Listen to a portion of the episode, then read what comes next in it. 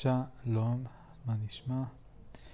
Uh, היום אני הולך להקריא לפחות שני קטעים שעוסקים בוויטגנשטיין, אחד מהפילוסופים שאני הכי מסמפת, uh, ובעצם הכי uh, מודרני מבין אלו שאני uh, מסמפת, מחבב ואף אוהב. אה, את מי עוד אני אוהב? אני אוהב את יום, אני מחבב את שפינוזה. אה, מי עוד אהבתי? ניטשה אהבתי מאוד. מי שאני אוהב זה יותר כי אני אוהב אותו כבן אדם וגם כאילו אולי משהו בצורת חשיבה שלו, אבל לאו דווקא.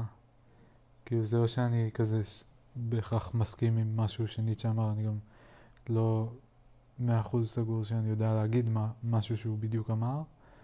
אה, אני מכיר כל מיני רעיונות שלו, אבל אה, אני לא יודע אם יש איזשהו משהו מסוים שאני יודע להגיד שזה ניטשה אמר. אבל בכל מקרה היום זה לא הפרק על ניטשה, אלא על ויטגנשטיין, ועל ויטגנשטיין אני דווקא יודע להגיד כמה דברים שהוא אמר. אה, לא... אוי, אה. זה לא טוב. טוב, רגע, אני אצטרך פה איזה... לעשות פה איזה סידור, כי אני רואה שמה שהכנתי לי הוא לא הכי טוב. אבל בכל אופן, ויטגנשטיין הוא... אה, אני כן, אני מאוד מחבב אותו ברמה האישית, יש לו סיפור נורא מעניין, אה, וזה הגניב אותי שכאילו מה שהוא ניסה לעשות זה שהוא הוא ניסה אני לא יודע איך הוא הגדיר את זה או איך הוא חשב על זה, אני כבר לא זוכר, גם עבר, קראתי עליו כמה ספרים, אבל עבר אה, זמן מה, כאילו ביוגרפיות, אבל עבר די, כבר איזה שנה ומשהו, שנתיים מאז שקראתי אותם. אה, אז אני לא זוכר בדיוק מה, איך הוא הבין את מה שהוא מנסה לעשות, אבל הוא אה, התעסק בשפה, אה, זה נראה לי המילה הראשונה שאפשר להגיד אחרי ה... השם שלו כאילו כ-keywords כאלה על מה הוא דיבר, אז נראה לי שפה, זה הדבר הראשון. אה, הוא התעסק גם בחיבור בין מתמטיקה ולוגיקה, ובחיבור בין שפה ולוגיקה, ובקונספט של אמת, שזה בעצם, אה, אפשר להגיד שעוסק בחיבור בין שפה למציאות, לעולם. אה, והוא כאילו בתפיסתו, וגם נדמה לי שבתפיסתם של אחרים, הוא סוג של אה, סיכם את כל הפילוסופיה באיזשהו מובן. זה לא ברור, ככה אני אומר את זה ואני לא בטוח אם זה בדיוק נכון, כי זה, אני לא בטוח אם זה משהו שהוא תפס את עצמו כעושה, או שזה משהו שאחרי זה הדביקו לו ואמרו. כי אם uh, מקשיבים לספר שלו, קוראים את הספר שלו, uh, הראשון, הטרקטטוס לוג'יקו פילוסופיקוס, אז הוא לא, זה לא שהוא אומר שם בפירוש באיזשהו שעה, ובזאת סיכמתי את כל הפילוסופיה. הוא גם לא מגדיר בדיוק מה זה פילוסופיה, הוא כן מדבר על זה טיפה. אמ, אבל, אה, אז זה לא בדיוק שהוא אומר את זה, הוא כן אומר בסוף איזה משפט כזה שהפך להיות מפורסם של uh, whereof one cannot speak, thereof one must be silent. כאילו איפה שאין לנו משהו טוב להגיד, עדיף uh, שנהיה בשקט. ו... אני לא יודע אם בזה זה אומר, והוא כן כאילו הציג את הפילוסופיה שלו, שהוא, אותה הוא העביר באמצעות הספר הזה, uh, כ... הוא בסוף uh, הציג אותה כ... בצורה מטאפורית, כמו איזה מין סולם כזה, שברגע שמטפסים עליו, ואז אפשר להשליך אותו, לא צריך אותו יותר, כי כאילו ברגע שהבנתם את זה, אז כבר לא צריך את זה ואין לזה יותר משמעות. שזה מטאפורה שאני מכיר אותה קודם כל מבודהיזם, ששם יש, אה, זה לא סולם, אלא אה, סירה קטנה, כאילו בוט, שברגע שחוצים איתה את הנהר, אז לא ממשיכים לסחוב אותה על הגב. אלא משאירים אותה שם ומשחררים את זה. אה, אז שתי המטאפורות האלה שהן דומות ביחס שלהם כלפי, אני לא יודע אם כל הפילוסופיות, אבל ספציפית הפילוסופיות שהן uh, מייצגות, שזה uh, הפילוסופיה של ויטגנשטיין ובודהיזם במקרים האלה. Uh, זה מצד אחד נורא מעניין, ואני זוכר שזה מאוד תפס אותי כשפעם ראשונה נתקלתי בזה, שכאילו uh, המחשבה שאני קורה משהו שאני צריך לייחס לו עכשיו חשיבות, אבל אחר כך, אחרי שהוא יעביר אותי איזשהו תהליך, אז כבר לא תהיה לו חשיבות, או לא תהיה לו משמעות, אולי המילה חשיבות, אפשר להחליף אותה במשמעות, ומה ההבדל בדיוק, לא ברור, אוקיי? אה, אז זה מאוד תפס אותי, ו... אה, ומצד שני, אני חושב ש... כאילו עם השנים לא, לא, אני לא, לא יודע איך לנסח את זה, לא מצאתי שזה בדיוק עבד ככה עליי. אולי לא הבנתי, זה תמיד אופציה, לא הבנתי משהו, או אולי זה לא עבד עליי, או אולי כאילו לא נכנסתי מספיק לעומק, או לא יודע מה.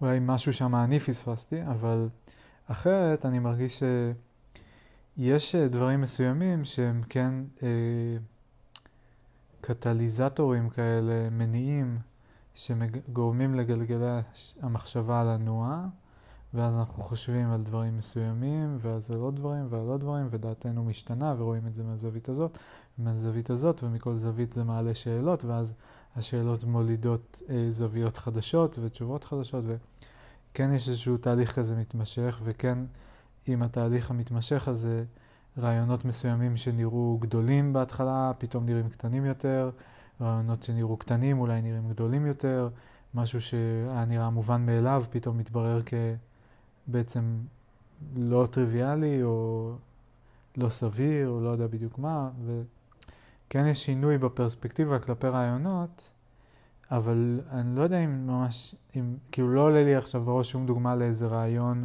או פילוסופיה שפגשתי, ומין שירתה אותי, עשתה את שלה, וזהו, השארתי אותה מאחורה ולא נשאר ממנה כלום.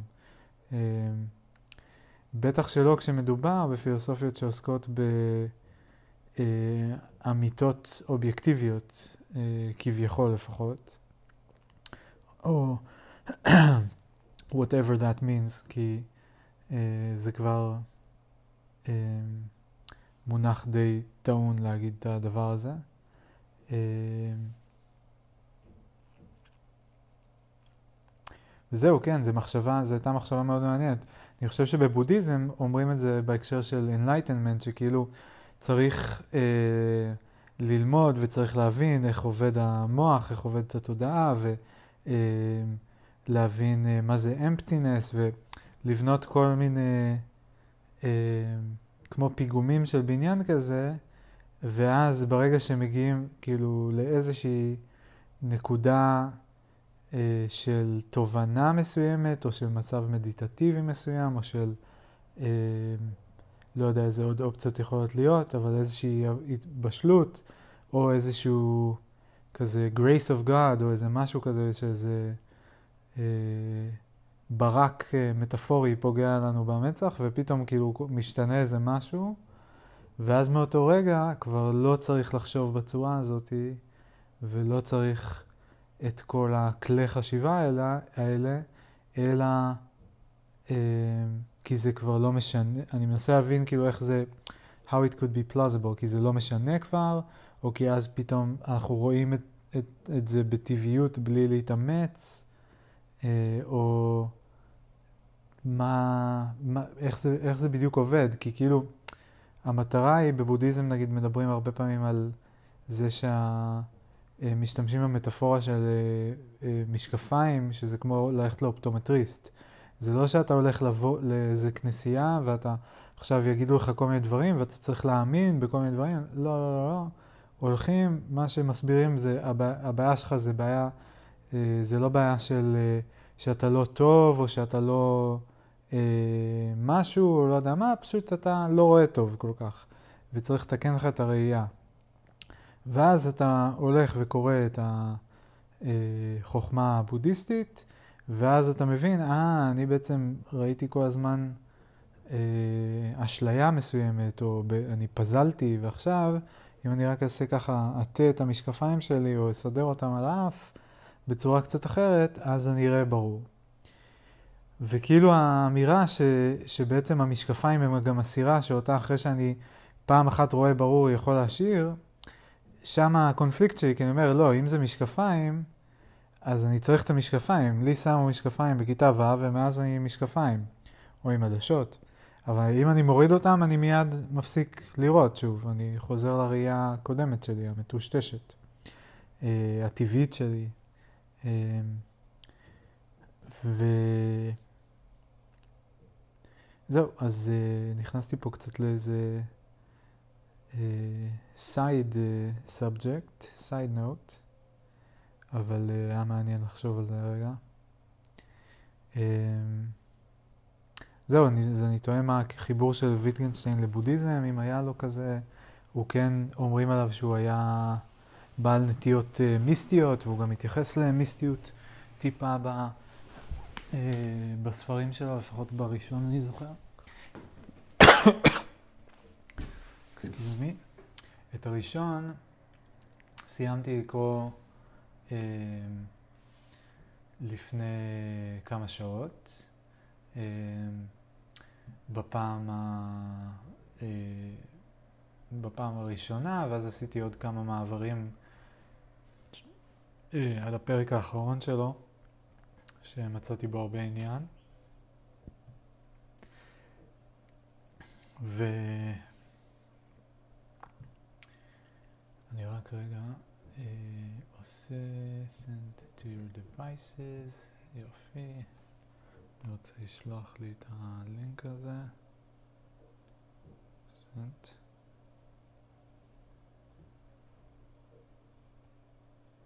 יש, יש.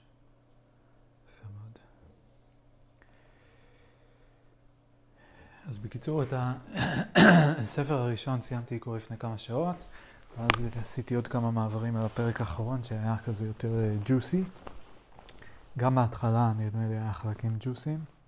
היו כל מיני דברים מעניינים, ואני עוד מתכנן לחזור אליו.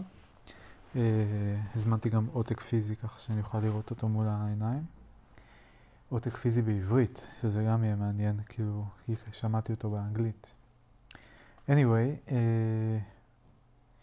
אז את הראשון סיימתי היום, את השני uh, אני קראתי לפני שבוע או שבועיים. אה, uh, לפני כבר, לפני שבועיים התחלתי אותו לדעתי וסיימתי אותו שבוע שעבר מתישהו או משהו כזה. ו...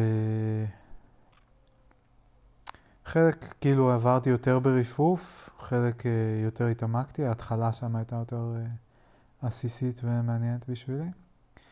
אז בכל אופן קראתי את השניים המרכזיים שלו, אני היום גיליתי שיש לו עוד הרבה ספרים אחרים שיצאו לאור, מסתבר. אני ידעתי על כמה, על המחברת החומה והמחברת הכחולה וכל מיני כאלה, אבל לא ידעתי שיש לו עוד uh, ספר uh, שנקרא On Certainty ו-On... value and culture ומשהו, פילוסופיה, בעברית ראיתי משהו שנקרא פילוסופיה, לא מצאתי באנגלית את ה... איך זה נקרא. אמ, וזהו, וממה שהבנתי, אבל הספר היחיד שיצא לאור בזמן חייו זה היה הראשון. אפילו השני יצא איזה שנתיים אחרי שהוא אה, נפטר או משהו כזה. אה, זהו, אז בכל אופן, כאילו, אני כן אז כן, אה, יצא לי לחוות אותו לאחרונה הרבה, את ויטקנשטיין, ועכשיו יש לי היכרות קצת יותר טובה איתו. אה, עדיין הייתי שמח כזה לקרוא את הספרים עוד פעם ולחזור על הרעיונות. גם אה, כשאני שומע את הספרים אז אני רושם לעצמי נקודות בנקודות שתופסות אותי, אז גם על זה הייתי שמח לעבור. אבל כל הקטע של... להגיב לפודקאסט, אני עוד לא בדיוק יודע איך לעשות את זה. אה, עוד לא יצא לי למצוא פורמט שאני, שנחמד לי. אה, להגיב לטקסט זה משהו אחד, אני מקריא ואז אני מיד מגיב, אבל להגיב לפודקאסט זה משהו אחר, וגם אה, לפודקאסט או, ל, או לספר מוקלט, לצורך העניין. אה, לפודקאסט זה עוד יותר קשה, כי גם אי אפשר לסמן, אה, באפליקציה של הפודקאסטים אין דרך לסמן אה, כזה קליפס ונוטס, עדיין לפחות. אה, הלוואי שהם יוסיפו. אז גם uh, להיזכר איפה בדיוק היה כל דבר שהיה מעניין וזה עוד יותר קשה. ב audiobooks אני יכול ל- לשים notes, אבל אז עכשיו נגיד אני יכול להתחיל לעבור על ה notes, אבל אני לא תמיד כותב בצורה מלאה, כי יש, זה, כאילו אני מניח שאני אבוא ואשמע שוב את הקטע וגם אקרא את הטקסט ולא רק uh, את הטקסט. Uh, למרות שחלק אני רושם בצורה שאפשר אולי uh, להבין גם בלי לשמוע שוב. אבל בקיצור, לא יודע מה, אז הייתי פשוט עובר עכשיו על הנוטס, כאילו, מתוך האפליקציה. אולי, אולי אני אעשה את זה מתישהו. אולי אפילו היום נראה איך ילך. אבל בינתיים להיום יש לנו מספיק חומר. Uh, מה שהכנתי זה שני, uh, זה בעצם שני קטעים, אפשר להגיד. Uh, קטע אחד זה סתם משהו שנתקלתי בו היום כשחיפשתי פתאום את השם של ויטגנשטיין בעברית. אז יש פה דף באנציקלופדיה של הרעיונות, שאותה, אם אני לא טועה, יצרו דן הרב ודוד גורביץ', כן? אני רואה שרשום פה גם. נתקלתי בזה לא מזמן, והתחשק לי מתישהו להגיע ולעיין בזה. פרויקט משוגע, כאילו, מה שהם עשו פה. אז, אז עכשיו נעשה מפגש אחד עם אחד המאמרים שלהם על משחקי לשון, language games, של לודוויג ויטגנשטיין. זה קטע אחד, והקטע השני זה שיחה שהייתה לי עם צ'אט GPT כבר לפני כמה שבועות, לפני שקראתי את הספרים של ויטגנשטיין. כשניסיתי אה, להיעזר בצ'אט GPT כדי לזקק מתוך הספרים מה, מה הפואנטה שלו, מה, מה תכלס כאילו הוא אמר, אה, איך הוא, איך הוא חידש? ביחס אל מי, מה ההבדל בין הספר הראשון לספר השני. אה, אז את כל זה ניסיתי להבין עוד לפני שקראתי את הספרים. אז איך נעשה את זה? נראה לי נתחיל מהשיחה עם, עם ChatGPT. ואז נעבור לקרוא את האנציקלופדיה של הרעיונות. אה, זהו. יאללה, shall we? הקדמה של 18 דקות. אוקיי, מתחילים. What was Wittgenstein's contribution to philosophy? Uh, אז השיחה עם ChatGPT באנגלית, אגב, מן הסתם. לא אמרתי. Ludwig Wittgenstein made several important contributions to philosophy, particularly in the areas of logic, the philosophy of mathematics, the philosophy of language, and the philosophy of mind. His early work, as presented in the Tractatus Logico Philosophicus, proposed a theory of meaning that and reference that posits that the meaning of a sentence is determined by its logical structure and the object to which it refers. His later work, as presented in Philosophical Investigations, rejected this earlier theory and instead argued that meaning is a function of language use and that it is impossible to separate language from the context in which it is used. Wittgenstein's work also had significant influence on the development of ordinary language philosophy and analytic philosophy. יפה. אז uh, הדבר הראשון, כאילו, זה העלה לי פה כל מיני שאלות.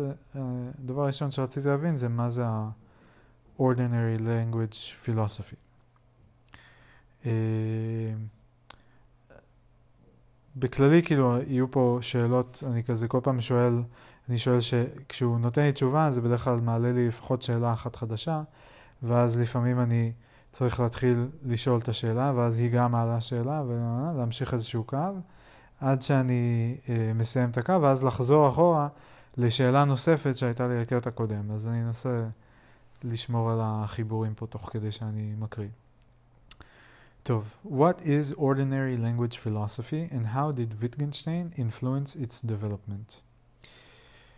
Ordinary language philosophy is a philosophical movement that emerged in the 1950s and 1960s, which emphasizes the study of the ways in which ordinary language is used in everyday life, as opposed to the idealized and abstract language of traditional philosophy. Ordinary language philosophers argue that traditional philosophy is often guilty of misusing language and that many philosophical problems can be resolved by paying attention to the way in which words are actually used in everyday life. אני רק אוסיף שוויטקינשטיין אה, טיפה רקע עליו, כי יש לנו פה כבר זמנים של ה-ordinary language philosophy שהתחיל בשנות ה-50 וה-60, אז ויטגנשטיין הוא נולד ב-1889, 26 באפריל, אם אני לא טועה זה היום הולדת של היטלר. או 24 באפריל זה יום הולדת של היטלר? לא משנה. והוא נפטר ב-29 באפריל 1951. כלומר, הוא היה בן אה, 62, נכון? 62, כן. 1889-1951. אז ה-ordinary language philosophy, ש... אותו philosophical movement that emerged in the 1950s and 1960s, um, קרה כבר לאחר מותו. Uh, יפה. אז uh, שוב, uh, emphasize, as ordinary language philosophy emphasizes the study of the ways in which ordinary language is used in everyday life as opposed to the idealized and abstract language of traditional philosophy. Ordinary language philosophers argue that traditional philosophy is often found is often guilty of misusing language and that many philosoph philosophical problems can be resolved by paying attention to the way in which words are actually used in everyday life. Wittgenstein's later work, particularly the philosophical investigations, had a significant influence on the development of ordinary language philosophy. In the philosophical investigations, Wittgenstein rejected his earlier theory of language and meaning and instead argued that meaning is a function of language use and that it is impossible to separate language from the context in which it is used. He also argued that many philosophical problems arise from a misuse of language and that these problems can be resolved by paying attention to the way in which words are actually used in everyday life. כמו שרואים, ChatGPT הרבה חוזר על עצמו, ממחזר. Wittgenstein's emphasis on the importance of ordinary language, context, and use in understanding uh, meaning influenced many philosophers in the ordinary language tradition, such as J.L. Austin and P.F. Strawson, who also focused on the study of the ways in which ordinary language is used in everyday life.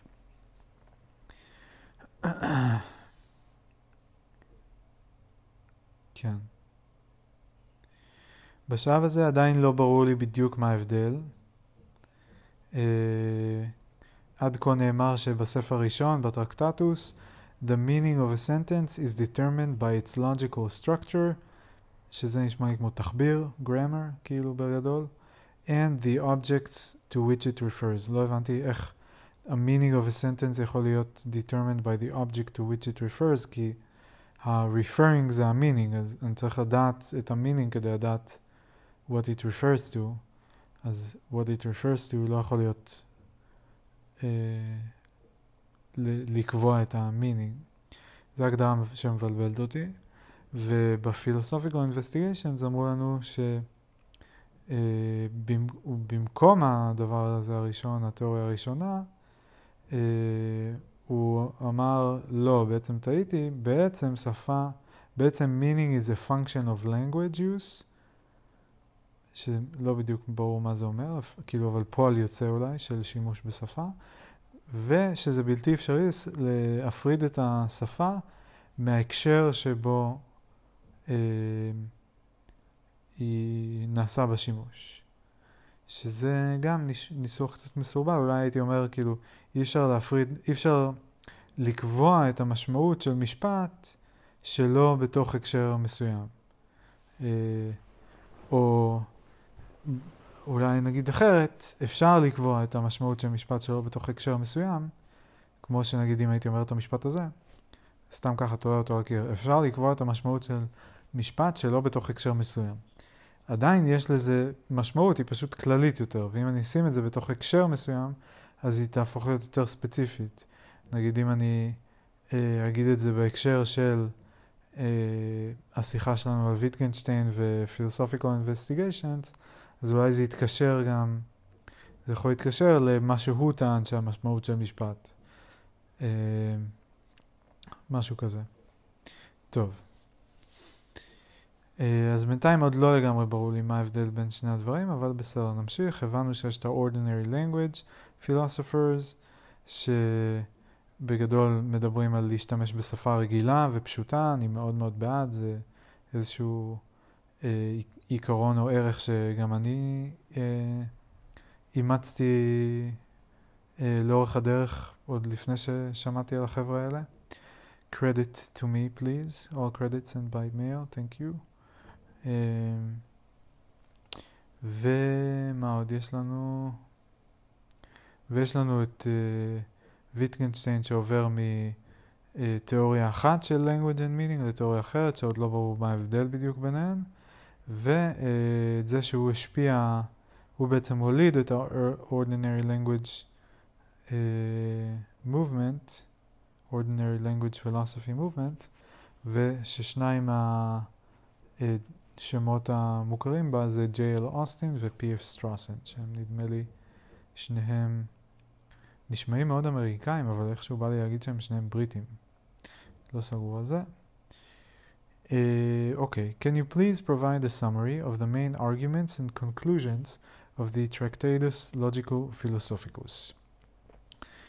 The Tractatus Logico Philosophicus is a work by Ludwig, Ludwig Wittgenstein in which he presents a theory of meaning and reference. The main arguments and conclusions of the Tractatus can be summarized as follows 1. The world is made up of atomic facts, which are the most basic units of reality.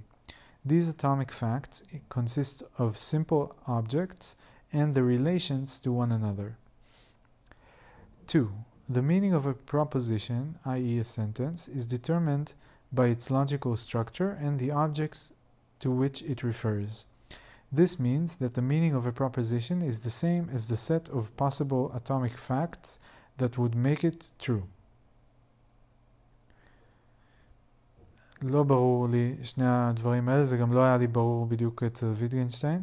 זה יחסית, כאילו השניים הראשונים הם גם יחסית מקבילים לספר שלו הרי בנוי משבע טענות, שכל אחת מהן מחולקת לתתי טענות ותתי טענות ותתי טענות.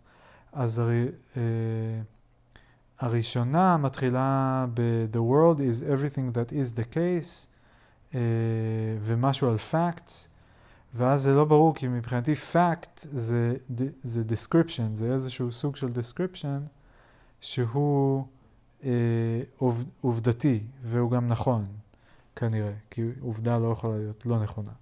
אז עובדה זה גם אובייקטיבי גם נכון, כאילו. למרות שזה קצת uh, מיד מייצר בעיה ההגדרה הזאת, כי הרבה פעמים אנחנו בדיוק רוצים לשאול על תיאור מסוים, תיאור אובייקטיבי מסוים, האם הוא נכון או לא נכון, אז להגדיר שהוא מראש כזה, זה כאילו, זה יכול להיות קצת מבלבל, מה גם שכאילו הנכונות שלו יכולה להיות אה, כאילו להשתנות. יכול להיות שנחשוב שזה נכון בשלב מסוים ואחרי זה לא, או שתהיה לנו תיאוריה מסוימת ואז יתברר שתיאוריה אחרת. בקיצור, לא יודע. אה, אבל לא, לא ברור לי האמירה ש- the world is made up of atomic facts. כי fact זה שפה, זה לא דבר.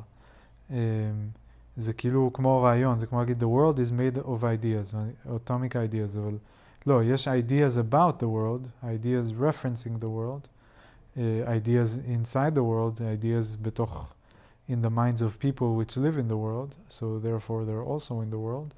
אבל ה-world הוא לא עשוי מ-facts, יש הרבה מעבר ל-facts.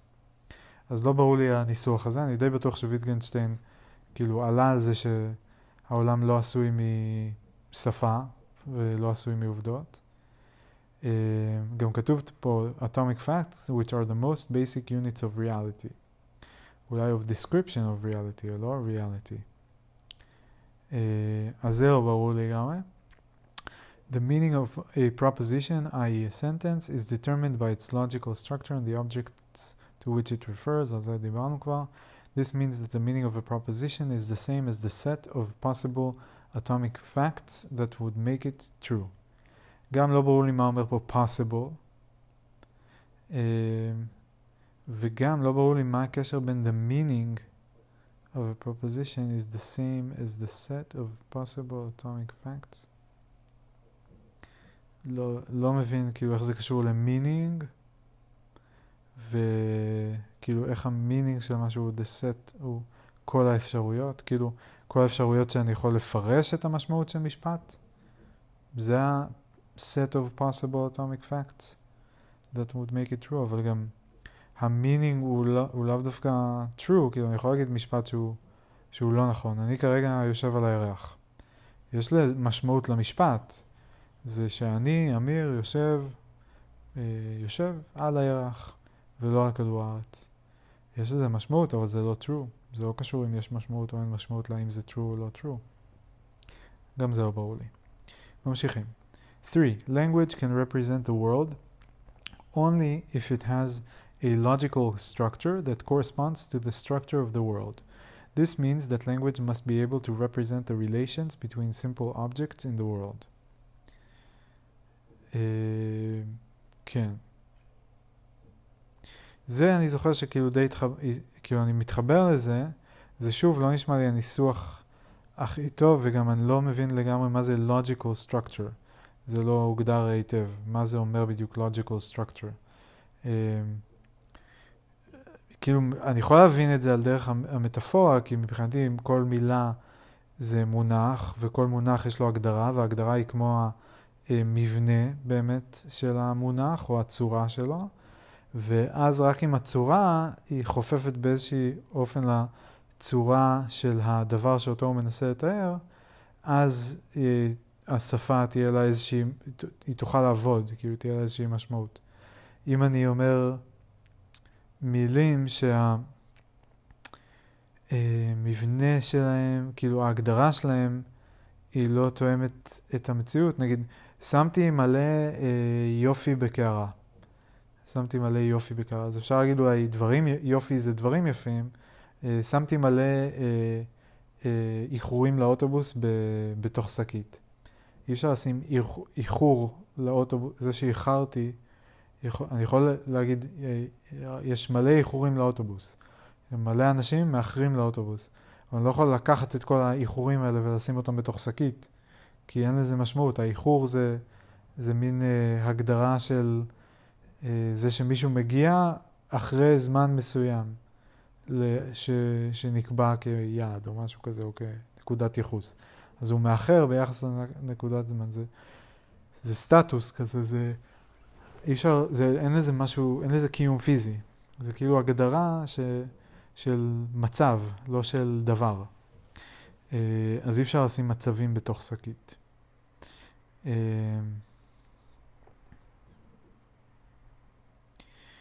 אז אני לא יודע אם לזה בדיוק הוא התכוון, שכאילו צריך להיות, צריכה להיות חפיפה כאילו בין הדבר שאני מדבר עליו, כאילו זה צריך ל...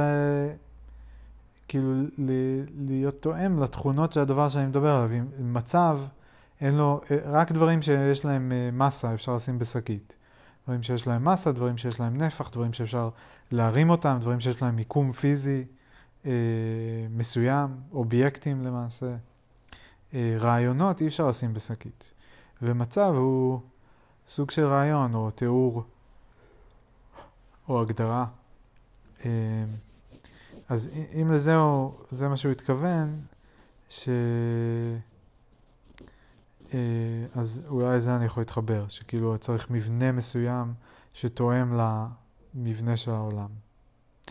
אוקיי, נמשיך.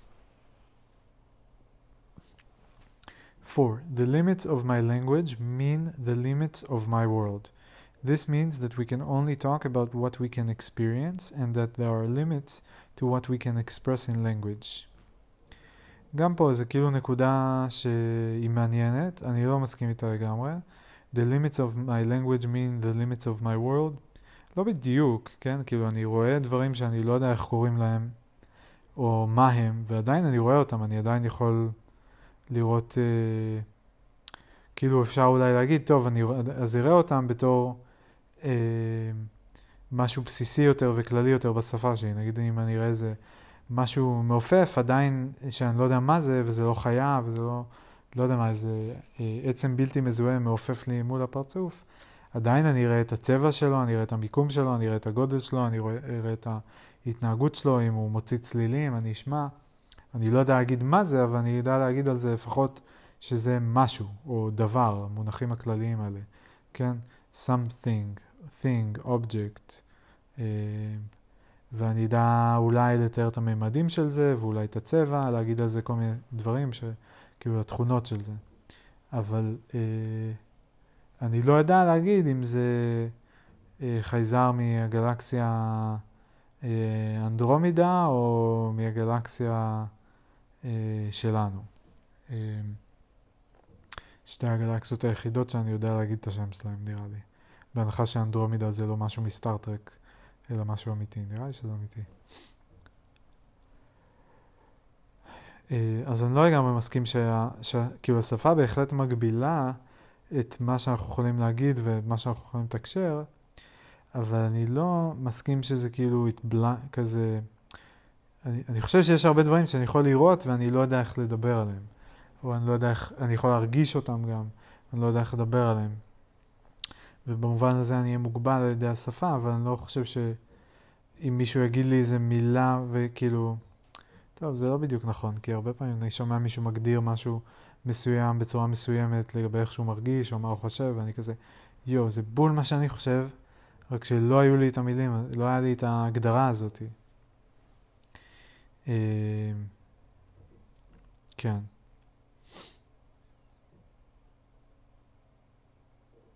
טוב, נמשיך. 5. The task of philosophy is to reveal the limits of the world by showing the limits of language. הבנתי, כי כאילו הגבולות של השפה הם הגבולות של העולם. אז אה, על ידי זה שאני אבין את הגבולות של השפה, אני אוכל להבין את הגבולות של העולם.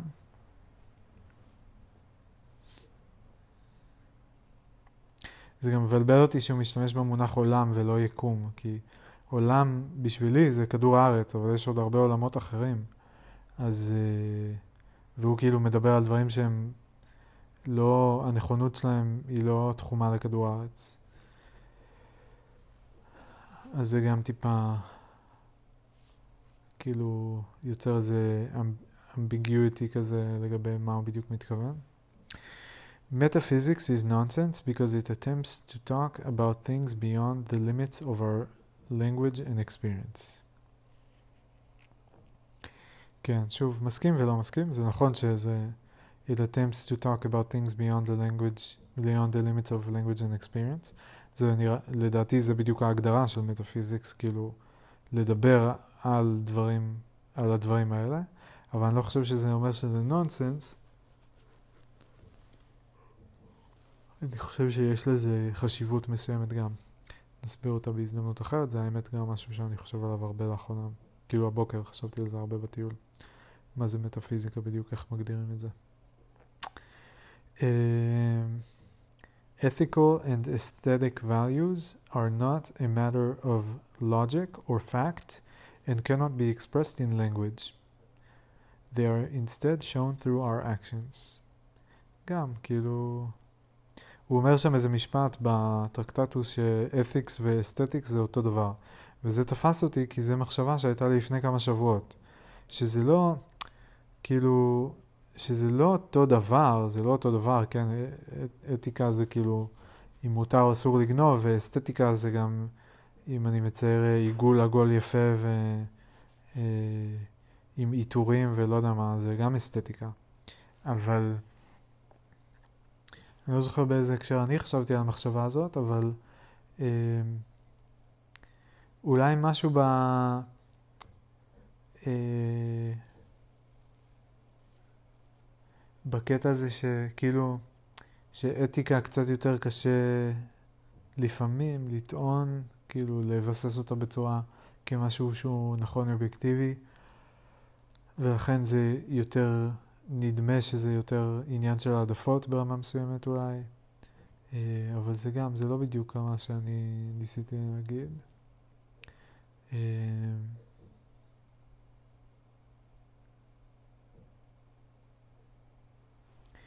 כאילו היו לי מחשבות קצת על זה שהחשיבה המערבית, זו שהפילוסופיה המערבית היא כאילו השורש שלה, אה, וזו שווינטגנשטיין הוא אחד מהצמתים המרכזיים בה, ואולי הצומת הכי גדולה, האחרונה הכי גדולה שהייתה.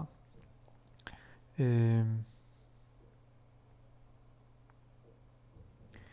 אז משהו על זה רציתי, כאילו, היה לי מחשבה שכאילו, שבבסיס שלה, אני לא אצליח להגיד את זה עד הסוף, אבל כאילו בבסיס של לוגיקה זה גם משהו שהוא קצת מתייחס אליו, יש משהו שהוא uh, arbitrary, שהוא שרירותי.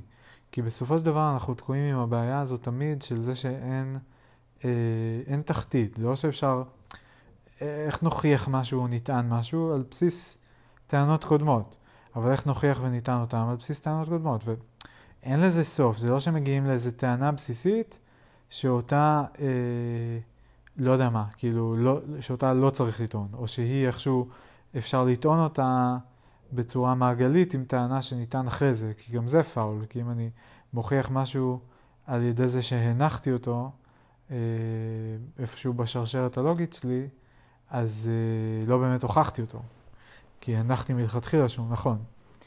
אז, אה, אז איך יוצאים מהברוך הזה? איך יוצאים מהשרשרת הזאת ש... אין לה, אין לה קצה, אין לה התחלה, אין לה בסיס, אין לה קרקע. חייבים לעשות איזשהן הנחות יסוד, והנחות יסוד האלה, אי אפשר להצדיק אותן אלא דרך זה שאומרים שהן נחוצות כדי להגיע למסקנות מסוימות שאותן אנחנו רוצים. אה, אז במובן הזה יש שם איזושהי בחירה מסוימת שהיא אה, לא, זה לא מחו, כאילו מחושב נטו, זה לא שב' נגזר מא', אלא זה אה, איזושהי בחירה שהיא נעימה לנו, שהיא יפה לנו, שהיא אסתטית. נגיד, אני רוצה לחיות בעולם שבו אנשים אה, מצליחים לתקשר כי הם רואים את המציאות בצורה אה, לא מאה אחוז זהה, אבל מספיק זהה כדי לא להתנגש זה בזה, וכדי לא להתווכח על כל דבר. וכמובן שכל אחד יש את ה... העדפות שלו וההשקפות שלו וכל מיני דברים כאלה, אבל יש איזשהו בסיס שמחבר וגורם לזה ששני אנשים עם העדפות שונות יוכלו לתקשר ולמצוא אה, מה בעל ערך בכל השקפה. אה, אז בשביל לייצר עולם כזה, אני צריך לבחור הנחות יסוד מסוימות. ולמה אני רוצה לייצר עולם כזה? אה, כי אני רוצה שיהיה נעים, שיהיה נחמד, שיהיה פרודקטיבי, אה, שנחכים ונלמד ונפתח עוד טכנולוגיה ונמות פחות ונחלה פחות וכל הדברים הטובים. אז כאילו אולי שם מסתתרת איזושהי בחירה שרירותית שהיא כאילו אסתטית. אני לא בטוח עד הסוף, אני לא חשבתי על זה עד הסוף, אבל היה לי כאילו את האינטואיציה הזאת גם, וזה מאוד כאילו היה לי... מעניין לפגוש את זה גם אצלו פה באיזושהי וריאציה. אה, אני גם לא מסכים שזה cannot be expressed in language, זה לגמרי כן. תמיד language הוא מוגבל והוא מסורבל ונה אבל אה, בטח שאפשר לשקף מוסר וגם אסתטיקה בשפה. אה, כל, כל אסתטיקה אפשר להגיד שהיא שפה, יכולה להיות שפה מילולית ושפה ויזואלית, הוא היה מתכוון פה שאי אפשר לתקשר אותה בשפה מילולית, אבל גם זה לא נכון, זה גם תלוי איך אתה מגדיר אסתטיקה, כאילו, כי מה, לפואטיקה אין אסתטיקה, ופואטיקה מן הסתם היא במילים. אוקיי, נמשיך. שמונה. The tractatus ends with the statement whereof one cannot speak, thereof one must be silent. This means that we must recognize the limits of our language and refrain from making nonsensical statements about the world. In summary, Wittgenstein in the Tractatus presents a theory of meaning and reference based on the idea that the meaning of a proposition is determined in its logical structure and the objects to which it refers, and the limits of language means mean the limits of the world. He also argues that the task of philosophy is to reveal the limits of the world by showing the limits of language, and that metaphysical, ethical, and aesthetic statements are not a matter of fact or lo- uh, of logic or fact, and cannot be expressed in language, they are instead shown through our actions. Uh, כן, היה לי עוד איזה הערה פה.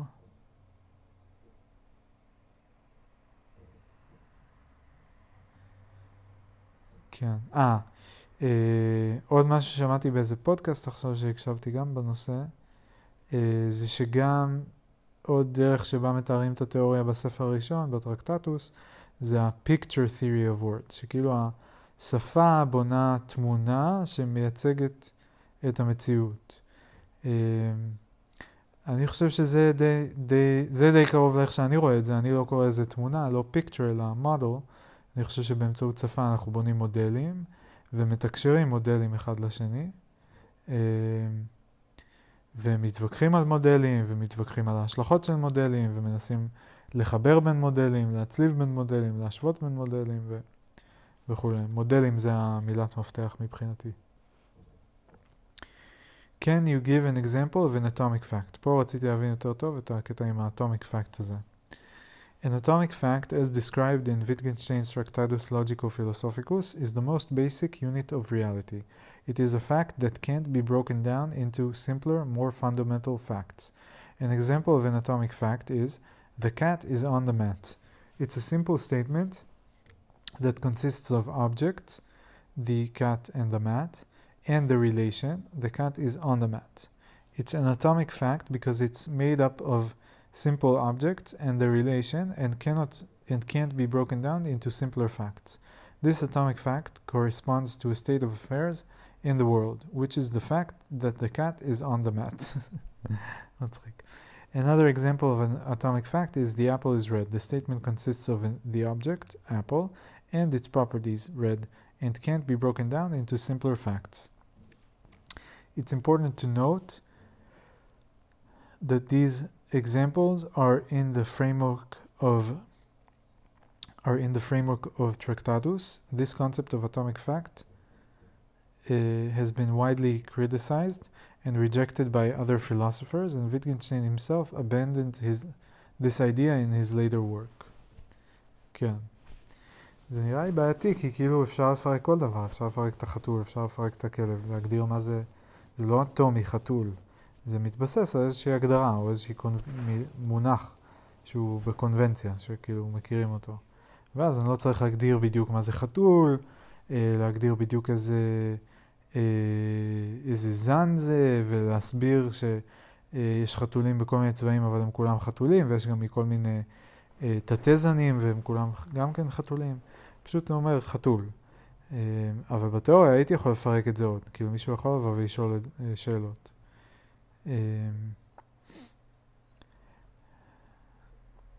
כן.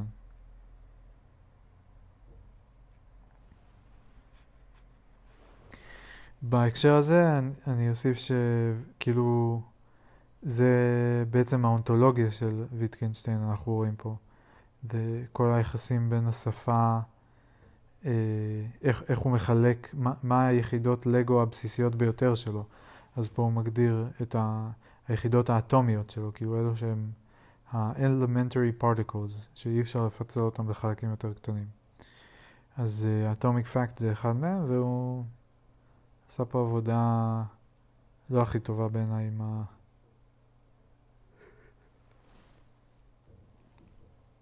עם להסביר מה זה אומר. Uh, טוב, נמשיך.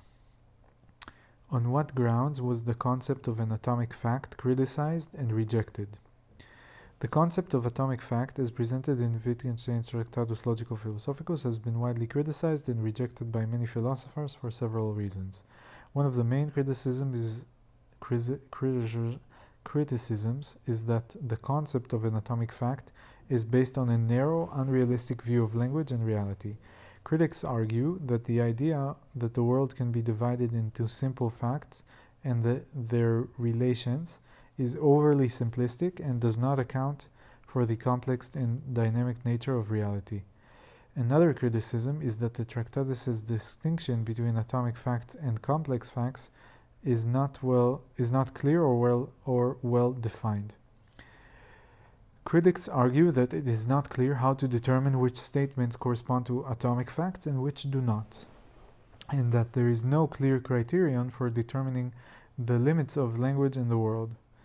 Furthermore, Wittgenstein's theory of meaning and reference is also criticized for being too formalistic and not taking into account the pragmatic and social aspects of language use.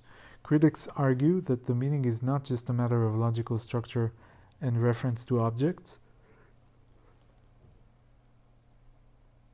but also depends on the context, the speaker's intentions, and the conventions of language use. Another criticism is that Tractatus's views, view of ethics, aesthetics, and metaphysics is too narrow and dismissive. Critics argue that these areas of inquiry are not only nonsensical but also important and meaningful. Finally, Wittgenstein himself later rejected many of the views he presented in the Tractatus in his later works, such as the Philosophical Investigations, where he argued that meaning is a function of language use and that it is impossible to separate language from the context in which it is used, and that many philosophical problems arise from a misuse of language, and that these problems can be resolved by paying attention to the way in which words and are actually used in everyday life.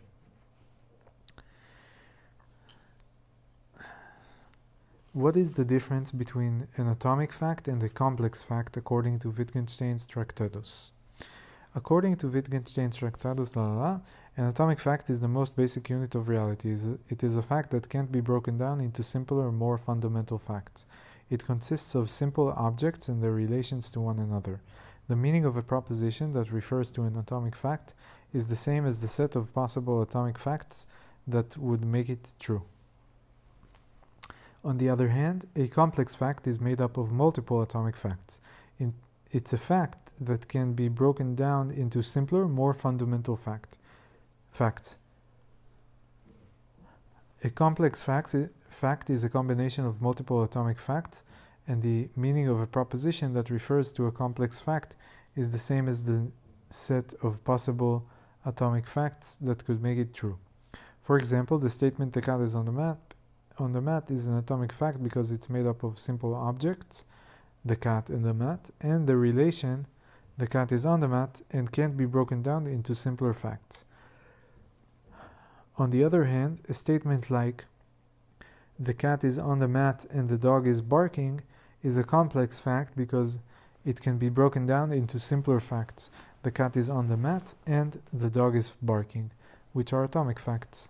It's important to note that the concept of atomic fact and the distinction between atomic and complex facts have been widely criticized and rejected by other philosophers, and Wittgenstein himself abandoned his idea in his later work.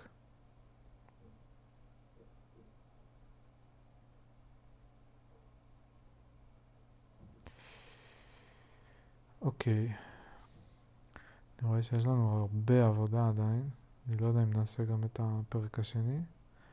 ואני מתחיל להיות קצת עייף. אבל אני רוצה לסיים לפחות את ההתכתבות. אנחנו באיזה... אולי חמישית מהדרך או משהו. טוב, נמשיכה. אה, איפה היינו אז?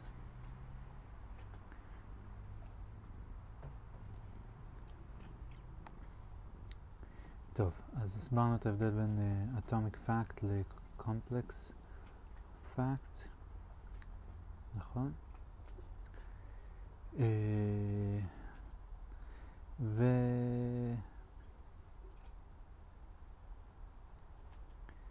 כן. והוא מציין שוב ושוב שזה קונספט שבכל מקרה הוא criticized וגם ויטגנשטיין עזב, נטש אותו. Uh, השאלה הבאה, מה שאני לא הבנתי זה גם כאילו זה, אוקיי, atomic fact זה פשוט phrase, כאילו זה פשוט, uh, כאילו מבחינה תחבירית זה הגדרה של, uh, או clause אולי זה מה שאני מחפש, independent clause, שכאילו פשוט משהו שמכיל אה, נושא, נשוא, ואני לא יודע איך אומרים את הדברים האלה בעברית מספיק טוב, אבל אה, subject, verb, object, כן? כאילו מישהו שעושה משהו למשהו.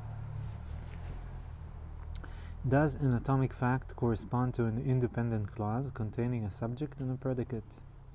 In Wittgenstein's an atomic,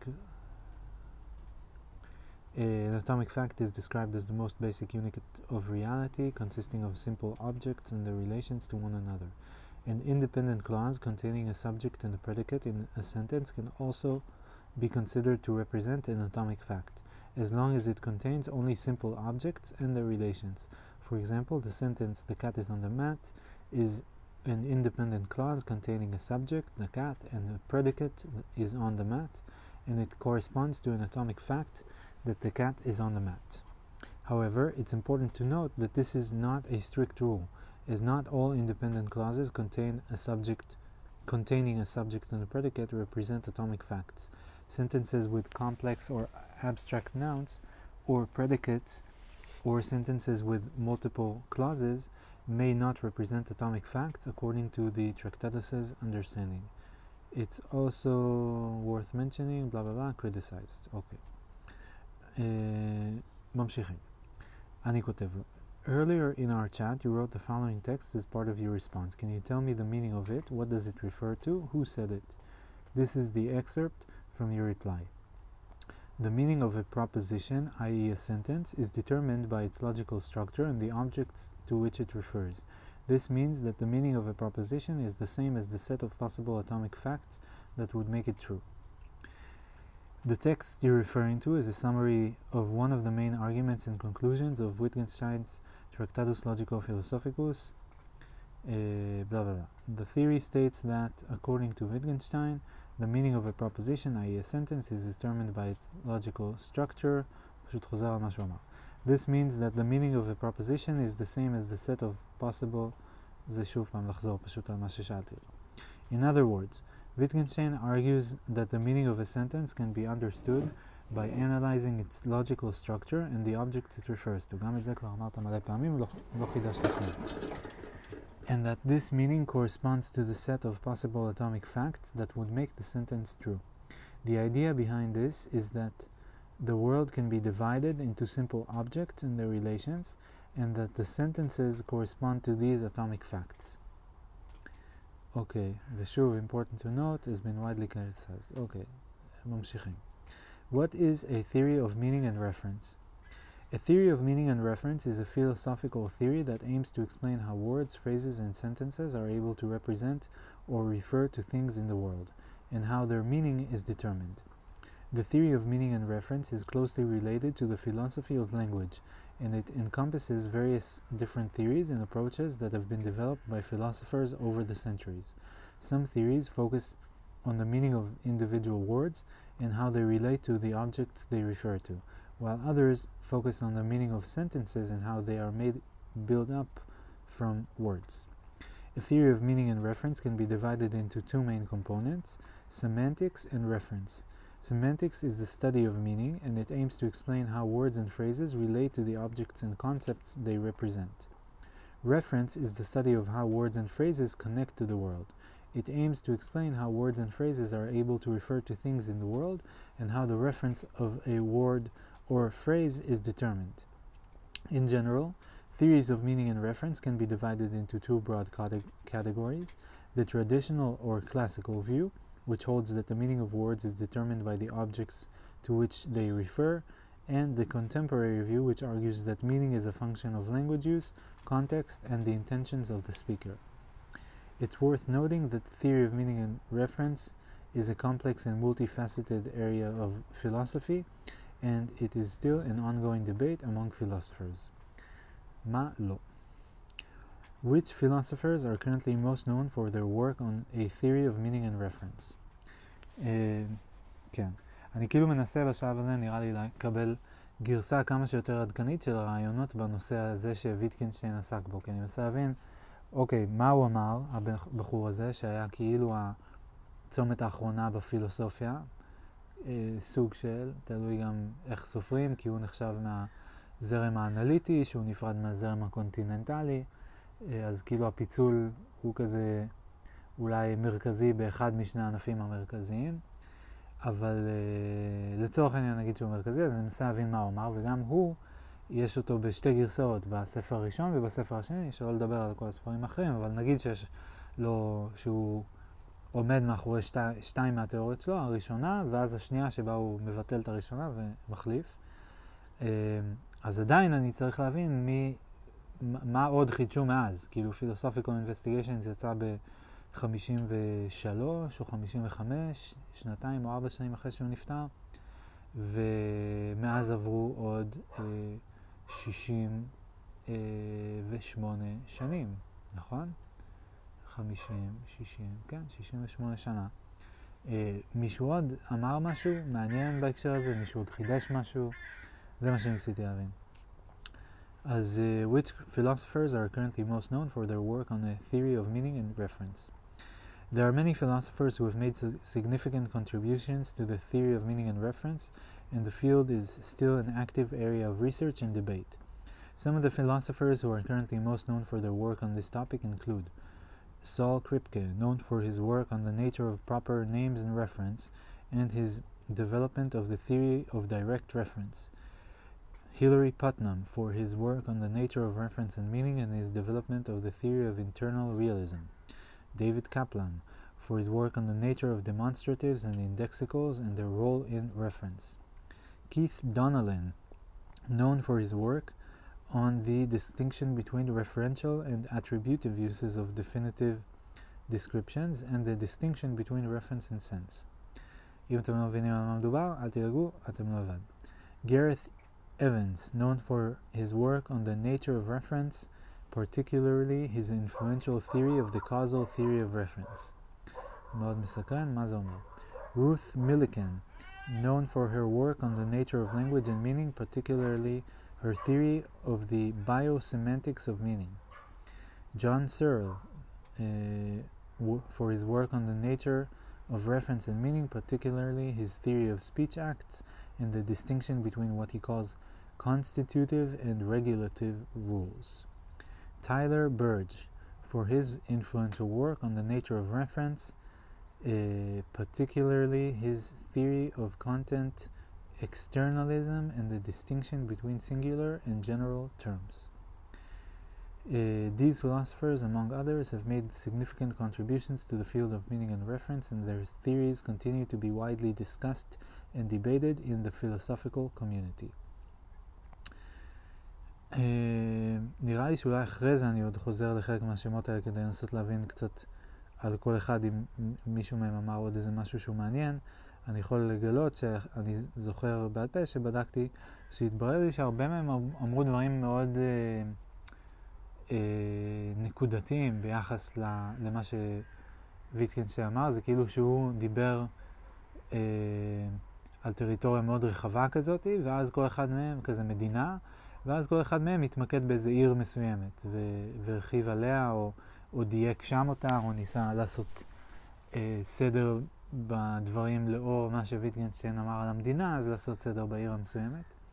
את חלקם זה הפתיע אותי כמה זה כאילו דברים שלא הבנתי אם, אם זה פילוסופיה או פשוט כזה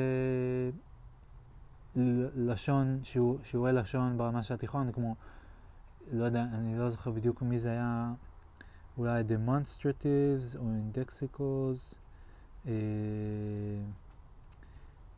או אולי direct reference או proper names, כאילו מישהו שם נגיד דיבר על זה ש... uh, pronouns כמו he, she, you, I וזה, הם מקבלים משמעות לפי מי אומר אותם ובאיזה קונטקסט, הם יכולים להיות, לשמש uh, כדי uh, to reference different people at different times. למשל, אם אני אומר, uh, אני רוצה ללכת לישון, אז אני מדבר על אני אמיר, אבל אם את או אתה אומרים, אני רוצה או רוצה ללכת לישון, אז אתם מדברים על מי שאתם. ואם אתם אומרים, היי, אתה, בוא הנה, אה, ברחוב למישהו, אז אתם מתכוונים לאותו מישהו, ואם אתם אומרים את זה למישהו בכיתה, אז אתם מתכוונים למישהו בכיתה, כאילו, וזה לא, לא ברור לי איך זה פילוסופיה, או מה יש להסביר בזה, או לחדש בזה.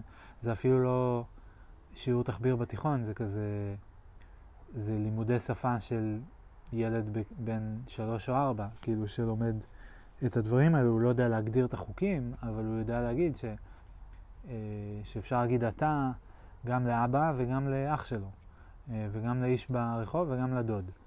אה, והוא לא, לא צריך פילוסופים שיסבירו לו את זה. אז לא יודע, זה בכל אופן, זה מה שאני זוכר מהחוויה של להתעמק בזה, אני לא זוכר אם יש פה את זה עוד בהתכתבות, אבל בכל אופן בואו נמשיך. Can you please provide a summary of the main arguments and conclusions of Wittgenstein's philosophical investigations? עכשיו אנחנו עוברים לספר השני. Uh,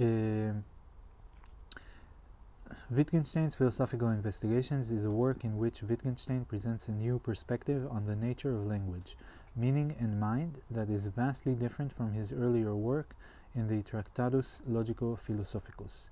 The main arguments and conclusions of the philosophical investigations can be summarized as follows. Wittgenstein argues that the traditional view of language, which holds that the meaning of a word is its reference to an object or concept in the world, is misguided. He claims that meaning is not a matter of referencing of referring to objects or concepts, but is a function of the use of language in context. Wittgenstein argues that the traditional view of meaning and reference leads to confusions and that many traditional philosophical problems arise from misunderstandings about the nature of language. He claims that much of traditional philosophy is based on a misunderstanding of language and that these problems can be resolved by paying attention to the way in which words are actually used in everyday life. Wittgenstein argues that the meaning of a word is determined by the way it is used in a language game, a specific social context. He claims that the meaning of a word is not fixed but is dependent on the context in which it is used.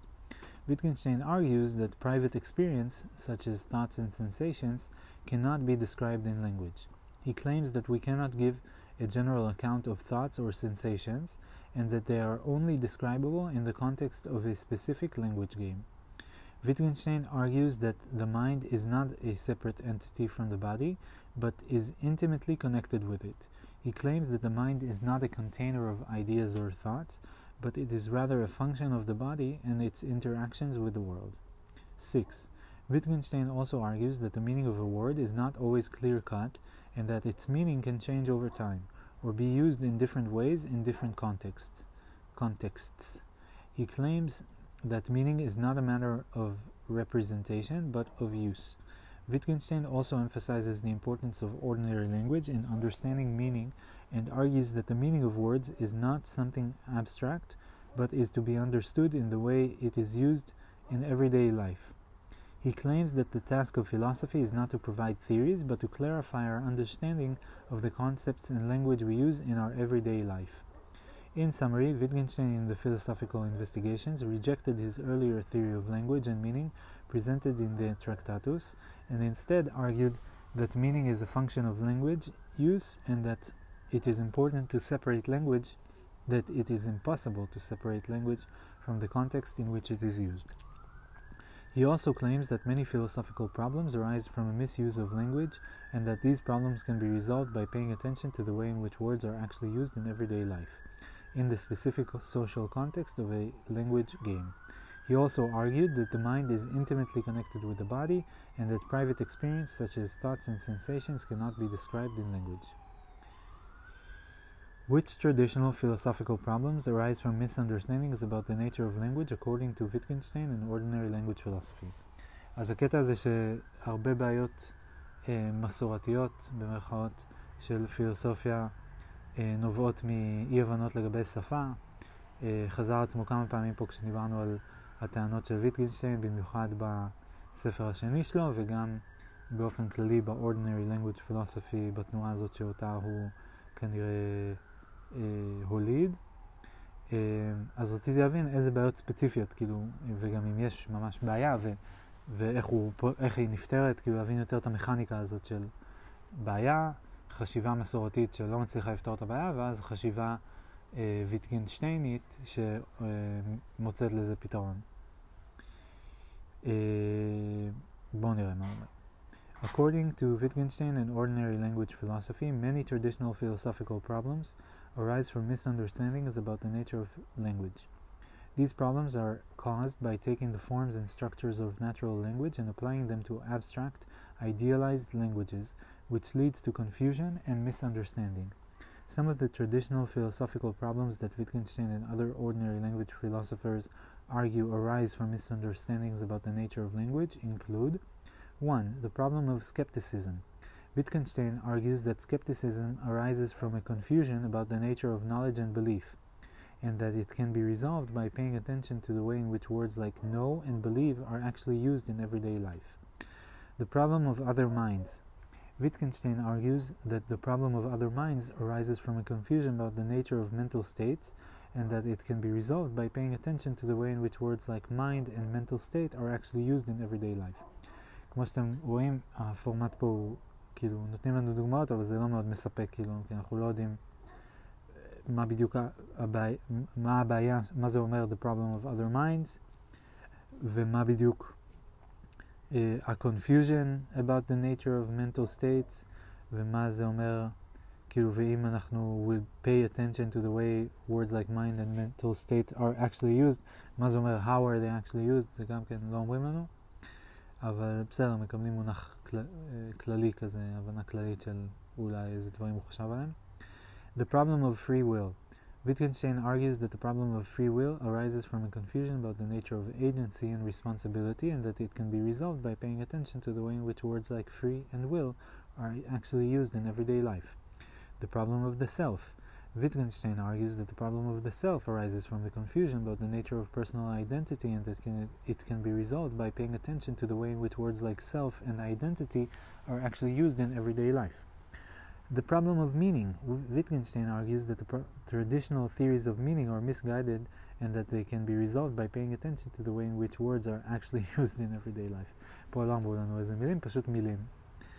It's worth noting that Wittgenstein and other ordinary language philosophers argue that these problems are not solved by providing theories or arguments, but by clarifying our understanding of the concepts and language we use in everyday life, by pointing out the confusions and misunderstandings that arise from taking the forms and structures of natural language and applying them to abstract, idealized languages.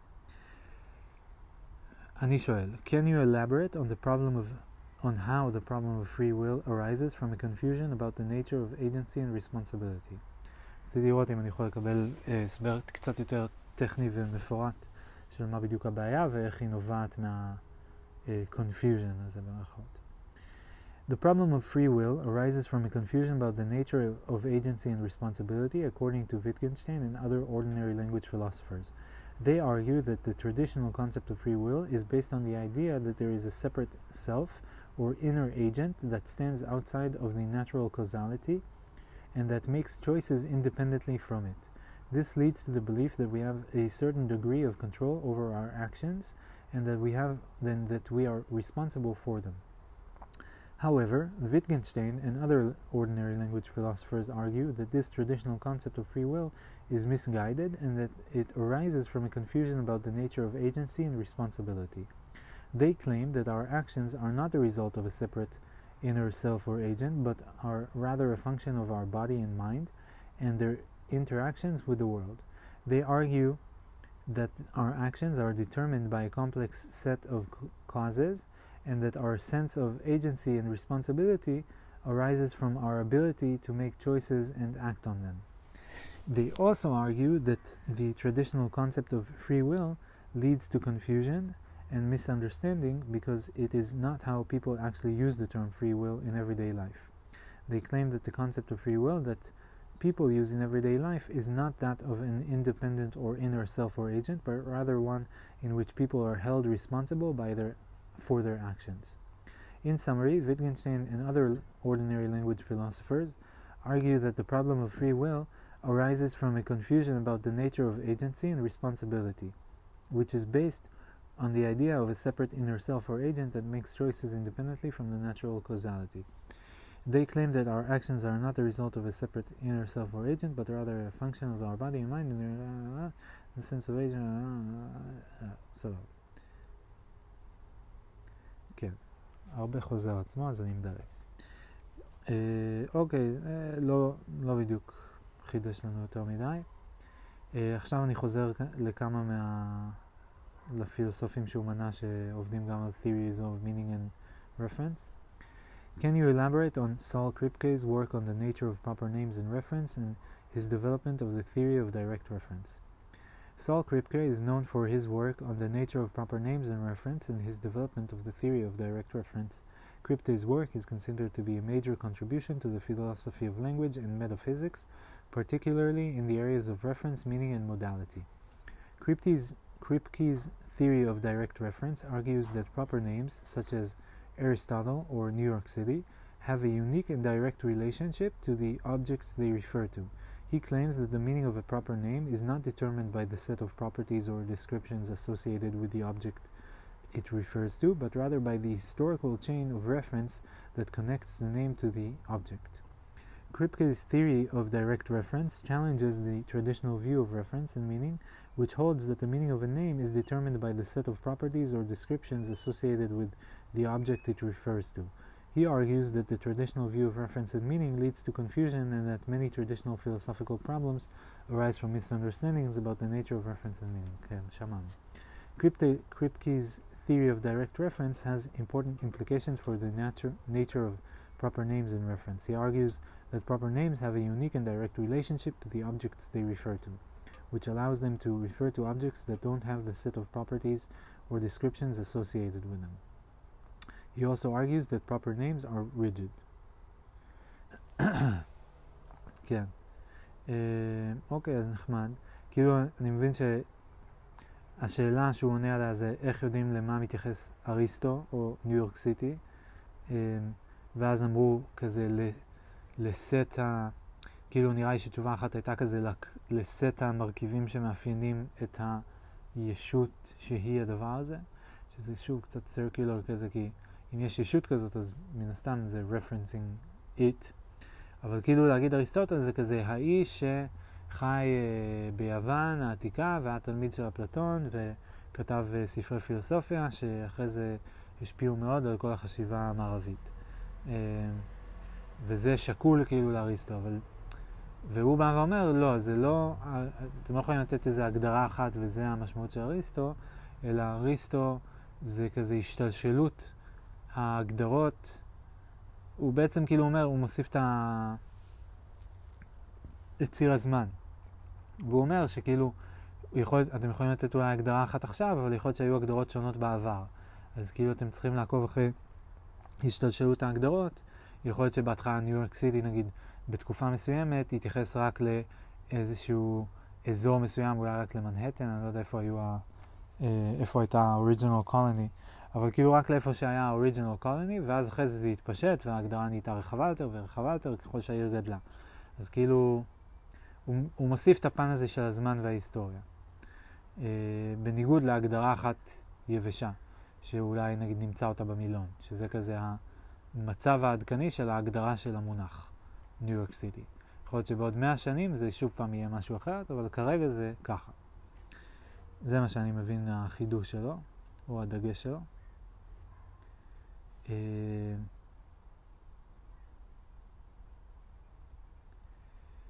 so, next. How could the meaning of a proper name be determined by the set of properties or descriptions associated with the object it refers to? I can make up a name for an object without saying anything about the object's properties. Uh, The traditional view of reference and meaning, which holds that the meaning of a proper name is determined by the set of properties or descriptions associated with the object it refers to, is known as the descriptivist theory of names. According to this theory, the meaning of a proper name is determined by the set of properties or descriptions that uniquely identify the object it refers to. Uh, this means that if one can give a set of properties or descriptions that uniquely identify the object the name refers to, then the name refers to that object. For example, if one says Aristotle was a philosopher, this is giving a set of properties or descriptions that uniquely identify the object that the name Aristotle refers to. According to descriptivist theory, the meaning of the name Aristotle is determined by the set of properties philosopher and ancient, ancient Greek. In contrast, Kripke's theory of direct reference argues that the meaning of a proper name is not determined by the set of properties or descriptions associated with the object it refers to, but rather by the historical chain of reference that connects the name to the object. He claims that the traditional view of reference and meaning leads to confusion and that many traditional philosophical problems arise from misunderstandings about the nature of reference and meaning. Kripke's theory of direct reference can also account for the possibility of naming an object without knowing its properties. What examples that Anishoel that does Kripke give in his theory of direct reference for historical chains of reference that connect a name to an object? In his theory of direct reference, Saul Kripke provides several examples of historical chains of reference that connect a name to an object. Some examples include the name Aristotle. Kripke argues that the name Aristotle is directly connected to the historical figure of Aristotle through a chain of reference, rather than being connected to him through a set of properties or descriptions. זה מצחיק להגיד connected to him, כאילו שיש איזה איפשהו מקום שכזה יש חור, ואז תוקעים כבל, ואז השם מחובר. כאילו, זה לא, הוא לא connected באיזה מקום מסוים. כאילו, בספרים כתוב, שואלים, כאילו, אם הולכים לספר ובודקים מי זה אריסטו, אז כתוב. בגוגל כתוב, במילון כתוב, באנציקלופדיה כתוב, וכל המקומות שכתוב בהם, זה לא שבמקום אחד כתוב שהוא היה פילוסוף יווני, ובמקום אחר כתוב שהוא היה, אה, אה, לא יודע מה, אה, צייר אה, איטלקי. כאילו, בכל המקומות כתוב את אותו דבר, ואז, כאילו, כן, אז, אז לא יודע, כאילו, וגם המקומות האלה נכתבו בזמנים שונים, אז אפשר בעיקרון להגיד שכאילו, סט כל המקומות שבהם זה כתוב, הוא פרוס לאורך ההיסטוריה. אז זה גם היסטורי וזה גם set of properties ו-descriptions. לא יודע. לא יודע אם, כאילו, הניואנס שלו הוא גם לא בדיוק ברור לגמרי, וגם אני לא... לא מבין אותו. גם לא ברור וגם אני לא מבין אותו. סתם. טוב, בסדר. Uh, the name water. Kripke argues that the name water is directly connected to the substance we refer to as water through a chain of reference rather than being connected to it through a set of properties or descriptions. שוב, מה זה אומר שהשם מקושר, הוא טוען שזה מקושר לפי ההיסטוריה ולא לפי ה... Uh, זה. לא יודע, זה... אני לא, אני לא בדיוק מבין את הטענה. זה מקושר על ידי זה שכאילו כולם קוראים לזה באותו שם, פחות או יותר. בכל שפה יש לזה שם קצת אחר, אבל הוא מוסכם, וכמעט תמיד משתמשים בו. אולי יש עוד איזה מילה אחרת, אה, מילה נרדפת או משהו כזה, מילה יותר גבוהה. אבל בגדול, בעברית אומרים מים, באנגלית אומרים water, בספרדית אומרים אגווה. אה, וזהו, וזה מה שאנחנו מלמדים את הילדים שלנו, וזה מה שכתוב במילונים שלנו, זה מה שאנחנו אומרים ב, בשיחות uh, בבית ובטלוויזיה וברדיו, אז כאילו זה לא מחובר דרך ההיסטוריה וזה לא מחובר דרך set of properties or descriptions, זה פשוט, זה מין משהו ש, שכל האנשים עושים אותו, ממשיכים לעשות אותו. הוא מוסכם והוא נשאר מוסכם. Uh, טוב, עוד דוגמאות. The name Cicero, Kripke argues that the name Cicero is directly connected to the historical figure of Cicero through a chain of reference rather than being connected to him through a set of properties or description. כן, פה צ'אט GPT מעצבן, הוא פשוט כאילו מחליף איזה שתי מילים וכותב את אותו דבר בדיוק. The name Hesperus and Phosphorus, uh, Kripke argues, are directly connected to the same object, the planet Venus, through a chain of reference rather than being connected through a, a set of properties or descriptions. Uh, טוב, טוב, בסדר. Uh, ואני שואל, what does it mean for a name to be directly connected, במרכאות, to an object? How is the name Cicero directly connected to the historical figure who has died a long time ago? In Kripke's Kripke's theory of direct reference, a name is said to be directly connected to an object when the reference of the name is determined by, שוב, מי זה is determined, כאילו ההגדרה הפסיבית הזאת, is determined, איפה? יש מכונה שעושה את ה-determining? יש מישהו עם uh, סטמפה שהוא determining? מה זה אומר? chat GPT, סליחה. By historical chain of uh, reference, that connects, determined by a historical chain of reference that connects the name to the object, rather than being connected to it through a set of properties or descriptions. כן, שמענו כבר עשר פעמים. For example, the name Cicero is directly connected to... אוקיי, שמענו, שמענו. Um, through a chain of reference that starts with the person who first used the name Cicero to refer to the historical figure and continues through the chain of people who have used the name to refer to him ever since. כן.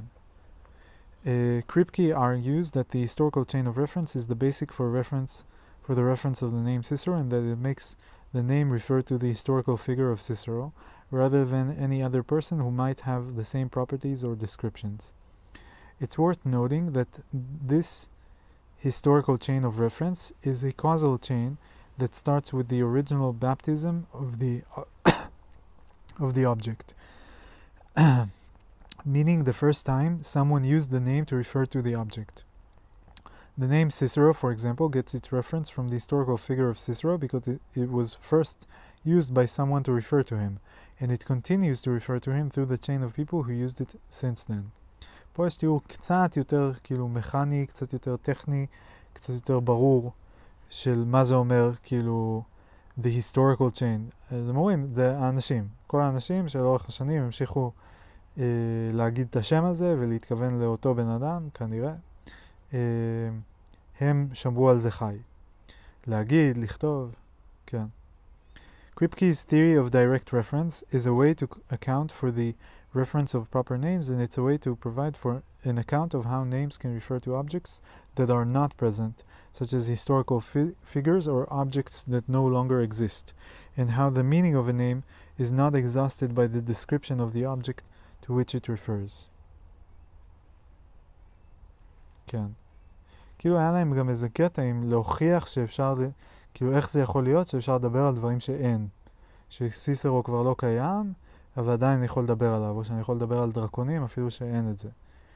או שאני יכול לדבר על המלך של צרפת אפילו שכרגע אין מלך בצרפת.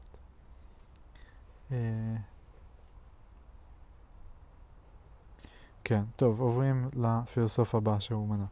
Can you summarize the arguments and conclusions of Hilary Putnam's theory of internal realism?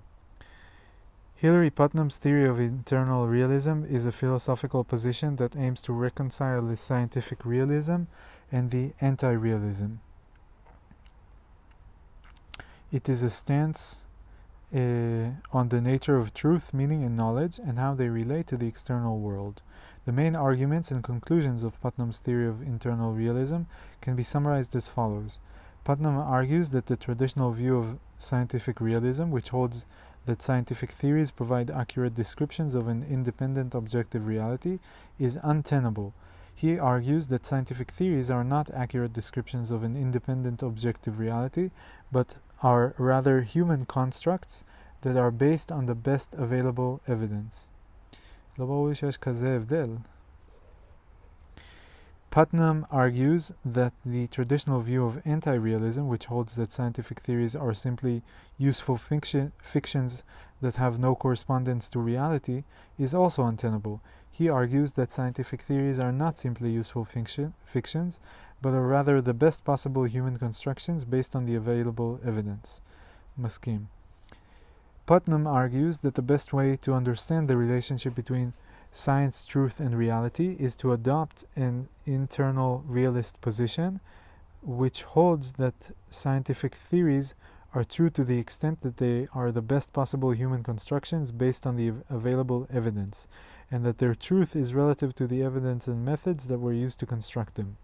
Putnam claims that the meaning of a term or a sentence is not determined by an external reference to an object or a property, by, but by the internal role that that term or sentence plays in the whole system of beliefs and practices of a community, uh, which he calls the nikta.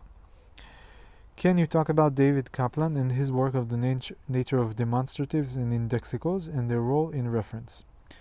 David Kaplan is known for his work on the nature of demonstratives and indexicals and their role in reference. He has developed a theory of demonstratives and indexicals, which are terms that refer to specific objects or si- situations, such as this, that, here, and now.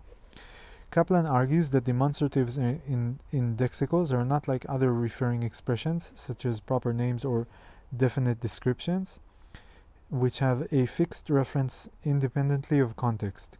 Instead, he argues that the reference of a demonstrative or indexical is determined by the context in which it is used. Da Sherlock. For example, the demonstrative this can refer to different objects, ashka, depending on the context in which it is used. You don't say. In one context, this might refer to a specific object in front of the speaker, while in another context, it might refer to an object that was previously mentioned. That's amazing. Similarly, the indexical here refers to the location of the speaker, and the indexical now refers to the time of the utterance. Kaplan also argues that the reference of a demonstrative or indexical is not determined by the speaker's intentions, but by the context and the conventions of the language. Um, okay. He claims that the reference of a demonstrative or indexical is determined by the context of the utterance and the conventions of the language, and that the reference of a demonstrative or indexical is not determined by the speaker's intentions. In summary, בסדר. Uh, please tell me about John Searle's theory of speech acts and the distinction between what he calls constitutive and regulative rules as if I'm a child. sure. So, John Searle is a philosopher who studied how we use words in sentences to do things like make promises, ask questions, or give orders. He called this speech acts. He noticed that there are two types of rules that govern how we use words and sentences to do things constitutive and regulative rules. Constitutive rules are like the instructions for a game. They tell you how to play the game and what you can do in the game. For example, the constitutive rules for a game of basketball tell you that you need a ball and a hoop and that you can only score points by throwing the ball into the hoop. Regulative rules are like the rules of a playground. They tell you what you can't do and what's not allowed. For example, the regulative rules of a playground might tell you that you can't push other kids or take someone else's toy. Right, Tommy? so, in the same way, constitutive rules tell us how to use words and sentences to do things like make a promise or ask a question. And regulative rules tell us how we can't say what we can't say or what we should or shouldn't do while using language, like not lying or being impolite. In summary, John Searle studied how we use words and sentences to do things like make promises, ask questions, or give orders. And he noticed that there are two types of rules that govern how we use words and sentences constitutive and regulative rules. The first set of rules tell us how to use language to do things, and the second set tells us what we can't say or what we should or shouldn't do with language. Can you pro- give some examples of constitutive and regulative rules? Sure, here are some examples of constitutive rules and regulative rules. Constitutive, constitutive rules. 1. In chess, the constitutive rule rules specify how the game is played, what the chess pieces can do, and how to win the game. In the game of football, the constitutive rules specify how the game is played, what the players can do, and how to score points. In a courtroom, the constitutive rules specify how the trial is conducted and what the judge and lawyers can do and how to reach a verdict. Regulative rules זה כאילו על דרך החיוב ועל דרך השלילה, מה כן מותר לעשות ואיך מקבלים נקודות ומה אסור לעשות ומה נחשב פאול, אני מניח אולי, אפשר להגיד. Regulative rules In a library, the regulative rules specify what you can and cannot do, such as no talking, no eating, no cell phones, and no loud music. In a restaurant, the regulative rules specify what you can and cannot do, such as no smoking, no outside food, and no litter. In a school, the regulative rules specify what you can and cannot do, such as no bullying, no cheating, and no hate speech. Uh, In summary, constitutive rules are the instructions for an activity. They specify how the activity is conducted, what one can do, and how to achieve the goal of the activity. Regulative rules are the rules that govern the activity. They specify what one can't do and what's not allowed. How these rules are related to asking questions or making promises. אה, זה אני שואל, צריך לשנות את הטון. How are these rules related to asking questions or making promises? נכון, שאלה טובה. The rules that govern asking questions or making promises are related to the constitutive and regulative rules in the sense that they both specify how language can be used to perform certain actions. For example, when you ask a question, you are using language to perform the action of asking for information. The constitutive rules for asking a question specify how to form a proper question and what kind of information can be asked for. For example, one of the constitutive rules for asking a question is that a sentence must have an auxiliary verb, such as do or does, and that the sentence must have an interrogative pronoun, such as who or what. אני שוב לא מבין איפה הגבול פה בין תחביר לאיזשהו חוק שלא, לא, או לא חוק, כאילו constitutive rule The constitutive rules for asking a question specify how to form a proper question. הדבר ש-specifies how to form a proper question זה grammar, זה תחביר, זה, זה ההגדרה של איך מחברים את המילים ביחד כדי ליצור משפט. אני לא כל כך מבין מה הקשר, כאילו מה, איפה האלמנט הזה של constitutive rules כאילו בדיוק נכנס פה. Similarly, when you make a promise, you are using language to perform the action of committing to do something in the future. The constitutive rules for making a promise specify how to form a, promise, a proper promise and what kind of commitment can be made. For example, one of the constitutive rules for making a promise is that the sentence must contain the word, the word will or shall, and that the sentence must have a verb in the infinite form, such as to do, infinitive form, such as to do or to go. Okay. Regulative rules, on the other hand, specify what one can't say or what one should or shouldn't do when using language to perform certain actions. For example, in asking a question, one should not ask a question that is too personal or disrespectful.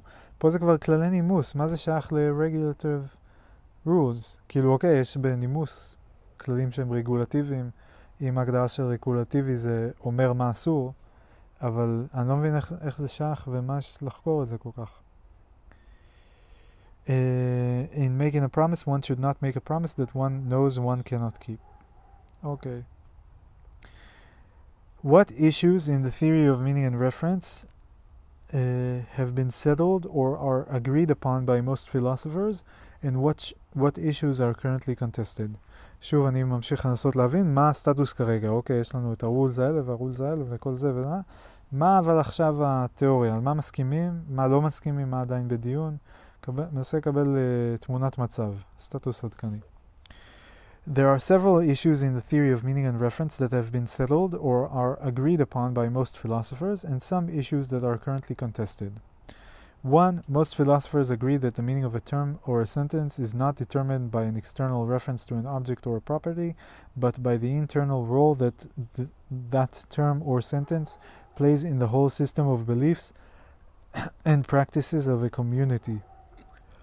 או-אה, מאיפה הבאתם עכשיו? אוקיי, קומיוניטי, טוב, אני יכול להבין, כי זה כאילו מוגדר, אף אחד לא מגדיר לעצמו, כאילו, כולו מוגדר ברמת uh, קהילה. 2. Most philosophers agree that reference and meaning are intimately connected and that reference cannot be understood independently of meaning. Most 3. Most philosophers also agree that uh, natural languages are complex and dynamic systems that are not easily reduced to simple rules or algorithms. There is a general agreement among philosophers that the meaning of a word or a sentence is not exhausted by its reference, but that meaning and reference are different aspects of the use of, a, of language. Okay. On the other hand, there are still several issues in the theory of meaning and reference that are currently contested among philosophers. 1. The nature of reference and the relationship between reference and meaning is still a contested issue among philosophers. Some philosophers argue that reference is a direct relationship between a term and an object, while others argue that reference is mediated by sense or description. אוקיי, לא ברור לי בדיוק עדיין ה... מה זה אומר? מה זה אומר mediated by sense or description? לא ברור, אוקיי. כאילו, what could be referencing anything but a description, so how can a description be mediated by a description? ומה זה אומר description is mediated by sense? I sense something and then I describe it. The description doesn't have senses. Okay. Two, the nature of proper names and the relationship between proper names and descriptions is also a contested issue among philosophers. Some philosophers that uh, proper names have uh, argue that proper names have a direct reference, while others argue that proper names are shorthand for def definite descriptions. 3. The nature of meaning and its relationship to reference is also con a contested issue among philosophers. Some philosophers argue that meaning is a mental state or a cognitive representation, while others argue that meaning is a social or pragmatic phenomenon. טוב. What is reference and what is meaning? פה נראה לי נמאס לי כבר שהוא משתמש במונחים האלה ולא מגדיר אותם פעם אחת שאני אבין מה זה אומר. כי גם הם אומרים פה the relationship between reference and meaning, אבל תגדירו מה זה בכלל reference ומה זה meaning. In the theory of meaning and reference, reference refers to the relationship between a linguistic expression, such as a word, phrase, or sentence, and the object or concept that it denotes or refers to. In other words, reference is the connection between a linguistic expression and the thing in the world that it talks about. For example, the word dog refers to a certain type of animal, and the phrase the President of the United States refers to the person who holds the office of the President of the United States. Meaning refers to the concept or idea that is associated with a linguistic expression. Meaning is the content of the expression or what it conveys. It is the information that the expression carries. In other words, meaning is the mental representation or understanding of the expression. Uh, for example, the word dog has the meaning of a four legged animal, four legged mammal, that is often kept as a pet, and the phrase the President of the United, United States, United States, has the meaning of the head of the executive branch of the government of the United States. Okay, בינתיים מאוד דק ההבדל בין the person who holds the office of the president of the United States ל- the head of the executive branch of פשוט שתי צורות שונות להגדיר את אותו דבר. אוקיי, אז לאחד לקרוא, זה המשמעות של זה, כאילו, מה זה המשמעות? זה כאילו למה זה שקול, שזה בעצם, זה אולי נקודה מעניינת, שכאילו למה הגדרה אחת שקולה להגדרה אחרת מכיוון אחר. אה, ויטקנשטיין בספר הראשון שלו מדבר המון על טאוטולוגיז, טאוטולוגיות, שזה אומר uh, משפטים שהם כאילו, uh, מה ההגדרה של טאוטולוגי? זה כאילו משפט ש, שאומר כזה כמו מה שיש זה מה שיש. מין משוואה של כזה A שווה A. A. בואו נראה רגע מה ההגדרה של טאוטולוגי. The saying of the same thing twice in different words, generally considered to be a fault of style. E.g., they are arrived one after the other in succession.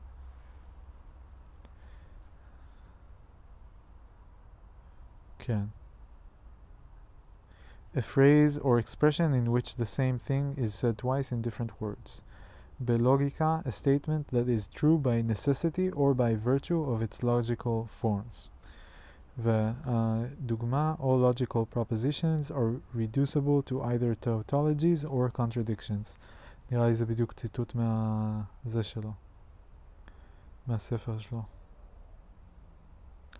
המשפט הזה. מגניבים, כן. זה הכבוד הגדול שמקבלים בלהיות פילוסוף, שמשתמשים במילים שלך ב- כדי להגדיר מונחים.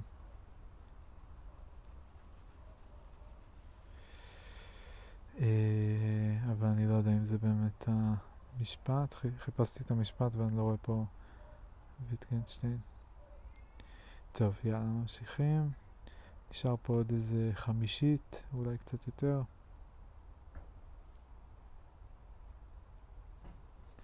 טוב, ולסיכום, in short, reference is the relationship between linguistic expression and what it refers to in the world, while meaning is the concept or idea that is associated with the linguistic expression. It's the information that the expression carries. לא, לא תשובות טובות, לא הגדרות טובות. רפרנס, כאילו אפשר להבין, סבבה, זה כאילו למה זה, מתייחס, נגיד אני אומר כרגע הפרחים פה, אז אני מתייחס לפרחים, הם נמצאים פה על השולחן. Uh, אני אומר uh, החתולה פה, סטורמי, אז אני מתכוון אליה. וזה כאילו, למה אני מתכוון? כשאני מתכוון לדבר מסוים, או אובייקט פיזי, או איזשהו קונספט, נגיד, כשאני אומר uh, uh, החתולים, uh, יש הרבה חתולים ברחוב בתל אביב. אז אני מתכוון ש... כן, אז אני מתכוון לכל החתולים בתל אביב. כאילו הקטגוריה של הדברים שעליהם אני מדבר. אולי, זה הכוונה ב-reference. בעוד ש-meaning זה כאילו איך אני מגדיר את כל החתולים בתל אביב. האם אני כולל גם את יפו? האם אני כולל, כאילו, איפה בדיוק אני שם את הגבול בתל אביב? עם גם גבעתיים, אם חתול הוא בדיוק על הרחוב אה, שמפריד בין תל אביב לגבעתיים או לרמת גן. ואז כאילו באיזה שלב, אם הוא עובר מצד אחד לצד שני, מתי הוא עובר מתל אביב להיות ברמת גן, כל מיני כאלה. אה, כל האזורים האפורים, כאילו, ואיך אני מגדיר את זה. אולי זה המשמעות של משמעות בהקשר, לפי מה שהם מנסים להגיד לפחות. טוב, יאללה, ממשיכים. What is, what is the relationship between ordinary language philosophy and logical positivism? logical positivism, לפני שאני קורא, אני רוצה לנסות להיזכר, זה בעיקרון, כאילו, במשפט, עיקרון ה-verification, שכאילו מה שאי אפשר לבדוק, אז אין טעם לטעון אותו, והוא לא יכול להיות נכון. אז רק מה שאפשר לבדוק הוא אה, ראוי להיות אה, מושא של אה, מדע, וגם רק מה שאפשר להגדיר אותו בצורה מספיק מדויקת, כדי שכשנבדוק אותו, אז יהיה לנו קו ברור בין כן ולא. משהו באזור הזה, להגדיר במדויק, ו-the verification principle. Ordinary language philosophy and logical positivism are two different philosophical movements that emerged in the 20th century and have similar, some similarities but also some fundamental differences. Logical positivism was a philosophical movement that developed in the 1920s and 1930s, and it aimed to provide a scientific account of knowledge and meaning. Logical positivists believed that traditional metaphysics and epistemology were meaningless, and that the only meaningful statements that were those that could be verified by experience. אז יש פה גם את העניין של המשמעות, כאילו למה יש משמעות ולמה אין משמעות, אז בכלל אין משמעות לטענות שאין דרך לאמת אותן, לפי מה שהם אומרים. אני הייתי מפריד, הייתי אומר שכאילו יש להם משמעות, פשוט אין דרך לאמת אותן, אז כאילו, הם עדיין יכול, כאילו אני יכול לטעון משהו שאין דרך לבדוק אותו, זה כאילו מבחינה מדעית אולי זו תהיה טענה לא מעניינת, אבל, אבל עדיין אני יכול לטעון את זה, אני יכול לטעון על בסיס, כאילו לקבל את זה כ... נכון או כהנחה, ו, ואז לטעון על בסיס זה דברים נוספים. אני יכול לקיים דיונים שלמים, כאילו, לצורך העניין כל הדת היא נשענת על ההנחה שיש כזה דבר אלוהים, אה, והיא לא טוענת את זה, היא לא מוכיחה את זה. לא, כאילו, יש כל מיני הסברים ויש כל מיני אה, כאילו הוכחות ודברים כאלה, אבל אה, זה, לא, זה, זה לא הוכחה שעומדת ב... ב בעיקרון ה-verification, מן הסתם, כאילו זה לא הוכחות שאפשר לבדוק. אז uh, זה אומר שאין שום משמעות לקונספט של אלוהים ולדת באופן כללי. אני לא הייתי אומר, הייתי אומר שיש לזה המון משמעות למי שמאמין בזה, uh, בין אם אפשר לאמת את זה ובין אם לא. באותו אופן שגם לספרות uh, בדיונית, כאילו fiction, יש המון משמעות לאנשים, גם אם אי אפשר לאמת את מה שנטען שם, כאילו, זה סיפור. טוב, אה... אז איפה היינו? Logical positivists believe that the traditional metaphysical, metaphysics and epistemology were meaningless, and that the only meaningful statements were those that could be verified by experience. They also believed that the only way to understand the meaning of a statement was by analyzing its logical form. Ordinary language philosophy, on the other hand, developed in the 1940s and 1950s, Godemaralta in the 1950s and 1960s, ChatGPT, it is a, f- a is a phys- philosophical movement that emphasizes the importance of the study of the way people actually use language in their everyday lives. Ordinary language philosophy philosophers believe that the meaning of a statement is best understood by looking at the way it is used in ordinary language. They rejected the idea that the meaning of a statement can be reduced to its logical form and instead argued that the meaning of a statement is determined by the context in which it is used and the conventions of the language. לא לגמרי מבין מה זה אומר reduced to its logical form. מה זה ה-logical form הזה שהם מדברים עליו? זה מאוד הייתי שמח לדעת. While both movements share similarities, such as the emphasis on the importance of language and the rejection of traditional metaphysics and epistemology, they differ in their approach to meaning and the nature of language. Logical positivism tends to emphasize the formal and logical aspects of language, while ordinary language philosophy emphasizes the pragmatic and social aspects of language. שזה באמת uh, הפרדה יפה, כאילו, כי ה-logical positivists הם כזה הכל מדוד לפי הספר, לפי הגדרות מדויקות, טה-טה-טה, רובוטים, וה-ordinary language הם, הם כזה, לא, חבר'ה, בואו נלך לראות איך אנשים משתמשים במילים, סלנג, עניינים, כאילו, העיקר שנבין איך, למה אנשים מתכוונים כשהם אומרים את זה, ולא איך אמורים להגיד את זה, או איך זה מוגדר באופן פורמלי. Uh, טוב, נשארו לנו עוד 1, 2, 3, 4, 5, 6 שאלות. In which work does Wittgenstein present his concept of language games, and what does it mean? זה כבר פתיח טוב לחלק השני שלנו, שאני עוד לא בטוח שאני אעשה אותו היום, אבל תכף נראה. Wittgenstein presents his concept of language games in his later work, Philosophical Investigations, published in 1953, where he argues that language is not a single unified system, but rather a collection of different language games that are played in different contexts. A language game is a specific way of using language that is appropriate to a particular context and purpose. Wittgenstein uses the metaphor of a game to convey the idea that there are many different ways of using language and that each way is appropriate to a specific context and purpose. Wittgenstein's idea of language games is that meaning is determined by the rules of the game and that the meaning of a word or a sentence is determined by the way it is used in a particular language game. For example, Wittgenstein points out that there are uh, many different language games that we play in different contexts, such as giving orders, asking questions, making statements, describing the weather, telling a story, and so on.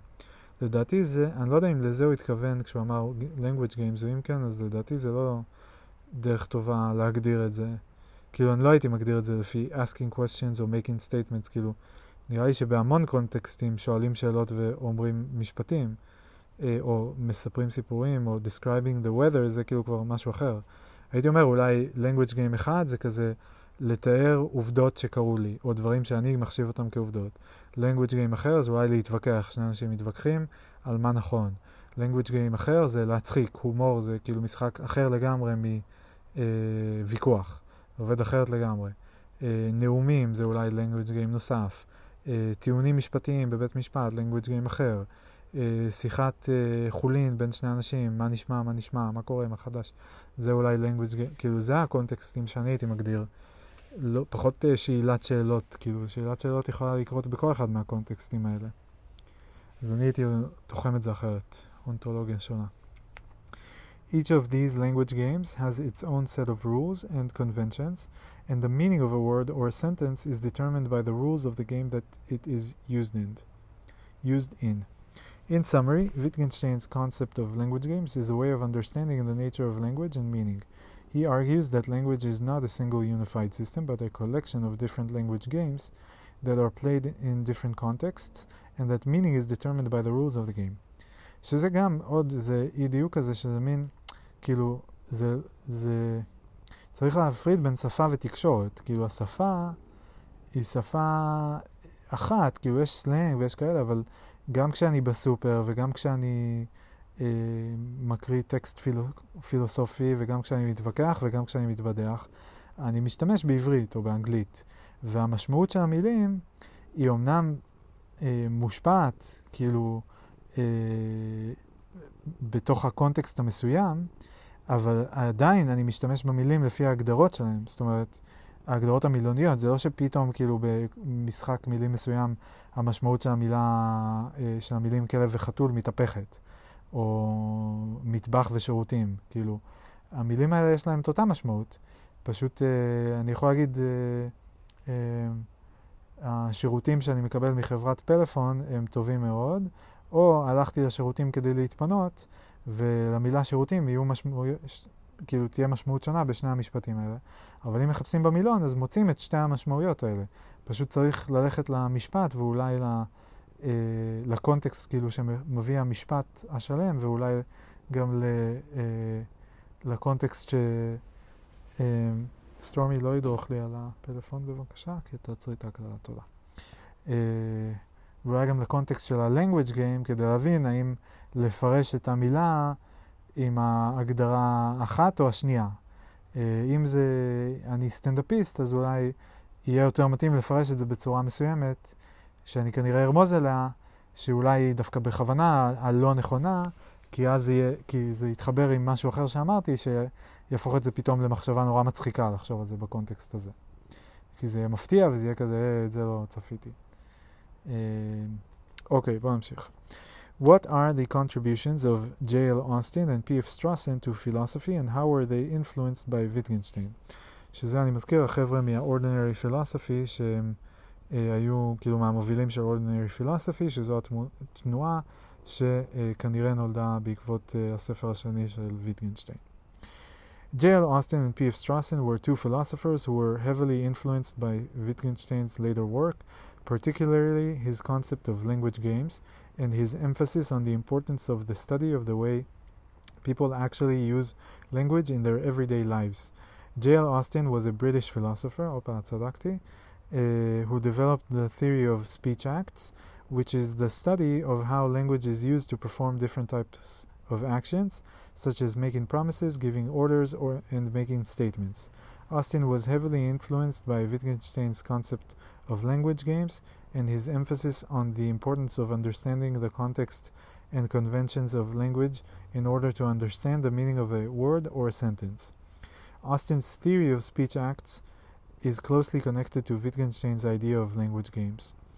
P.F. Strawson was another British philosopher who was heavily influenced by Wittgenstein's later work. Strawson's main contributions to philosophy are in the area of metaphysics and epistemology. יש לי שיחה, אז רגע פאוס. סליחה, ממשיך.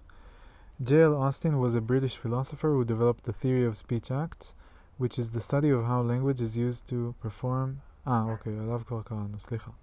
P.F. Strawson was another British philosopher who was heavily influenced by Wittgenstein's later, later work.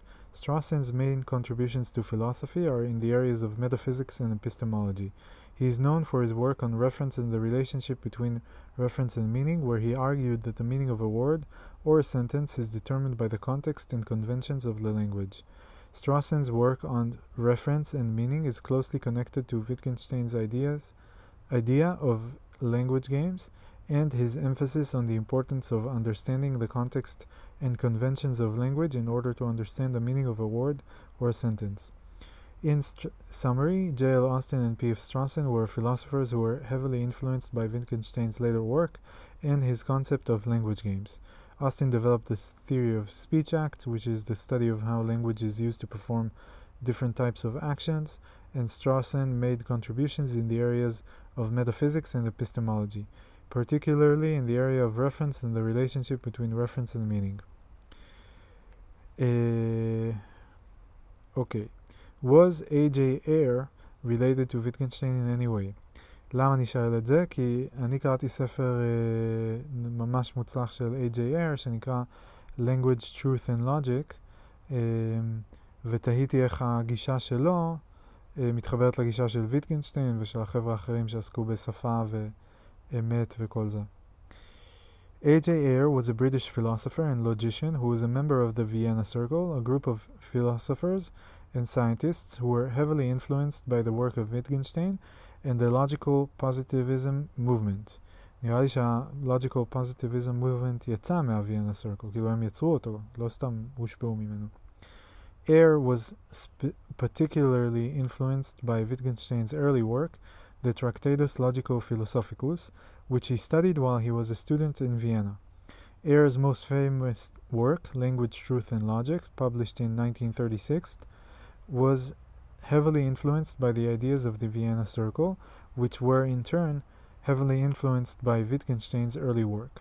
Ayer's book, נדמה לי שהם גם נורא רצו שהוא יבוא ויצטרף אליהם והוא לא רצה, ל-Vienna Circle, אם אני זוכר נכון, ויטקנשטיין כאילו. Ayer's book was a popularization of logical positivism and in it he argued that all meaningful statements can be verified by experience and that traditional metaphysics and ethics are meaningless. This view is similar to Wittgenstein's early work on the Tractatus. Ayer's work was a major influence on the development of logical positivism, and his book, Language, Truth, and Logic, was one of the most widely read and influential works of philosophy in the 20th century. While Ayer's views evolved over time, his early work and his role in the logical positivism movement showed, show that he was directly connected to Wittgenstein's ideas and work. Uh, in summary, A.J. Ayer was a British philosopher, מעניין איך משתנו over time, זה לא הכרתי. was a British philosopher who was a member of the Vienna Circle, a group of philosophers and scientists who were heavily influenced by the work of Wittgenstein and the logical positivism movement and Ayer's most famous work, Language, Truth, and Logic, was heavily influenced by Wittgenstein's early work, the Tractatus Logico Philosophicus. What are the main arguments and conclusions of Ayer's tr- Language, Truth, and Logic? A.J. Ayer's Language, Truth, and Logic is a book that presents the main ideas of logical positivism, a philosophical movement that aimed to provide a scientific account of knowing, of knowledge and meaning. The main arguments and conclusions of the book are 1. The verification principle. Ayer argues that the only meaningful statements are those that can be verified by experience. He contends that statements about the external world, such as statements of fact, are meaningful if and only if they can be verified by empirical observation or logical deduction. כן. כש-empirical observation זה באמת כאילו לבדוק, לעשות ניסוי, לראות שזה מסתדר, שכאילו התחזית מתממשת. ו-logical deduction זה בעצם החשיבה הרציונליסטית של לגזור מסקנות על פי מתמטיקה של קטגוריות. כאילו שאם אה, סוקרטס הוא איש וכל האנשים הם בני תמותה, אז גם סוקרטס הוא בן תמותה. כי אם הוא בתוך קטגוריה שהיא בתוך קטגוריה, אז גם הוא בתוך הקטגוריה. הגדולה יותר, כלומר. כאילו עיגול בתוך עיגול שהוא בתוך עיגול, אז העיגול הקטן הוא גם בתוך העיגול השלישי מן הסתם, הגדול. Uh, וזה טיפה מתחבר לקטע הזה שדיברתי על אסתטיקה, כאילו, אבל, uh, אבל זה כאילו מעבר לזה, זה לא סתם אסתטיקה. כאילו לפעמים היה לי לאחרונה מחשבות על כמה בבסיס של כל החשיבה הלוגית בעצם יש uh, גיאומטריה. כאילו, נקודות, קווים, עיגולים, uh, יחסים של אה, מרחק, שטח, אה, דבר אחד שמכיל דבר אחר, כאילו הכלה, אה, חיתוך, כאלה. לא יודע, זה קצת אה, מחשבות אה, שעוד בהתבשלות, נגיד ככה. 2. The elimination of metaphysics. Ayer argues that traditional metaphysics and ethics are meaningless because they cannot be verified by experience. He claims that statements about the nature of reality, such as statements about God, the soul, the afterlife, are neither true nor false, but meaningless. 3. The nature of analytic statements. Ayer argues that analytic statements, such as mathematical and logical statements, are true by definition, and that their truth can be established by analyzing their logical form. כן, שזה ה-deductive logic. logical deduction. The nature of synthetic statements. Ayer argues that synthetic statements, such as statements of fact, are either true or false, and that their truth can be established by verifying them through empirical observation or logical deduction. The nature of language. Ayer argues that the meaning of a word or a sentence is determined by the rules of the language and by the conventions of the language. In summary, Ayer's main argument in language truth and logic is that the only meaningful statements are those that can be verified by experience, and that traditional metaphysics and ethics are meaningless. He also argues that analytic statements are true by definition, synthetic statements are either true or false, and that the meaning of a word or a sentence is determined by rules and conventions of the language. Did the view that traditional metaphysics and ethics are meaningless catch on? Is it still the prevalent view in philosophy? The view that traditional metaphysics and ethics are meaningless as proposed by A.J. Ayer and other logical positivists, did not catch on among philosophers and is not considered a prevalent view today.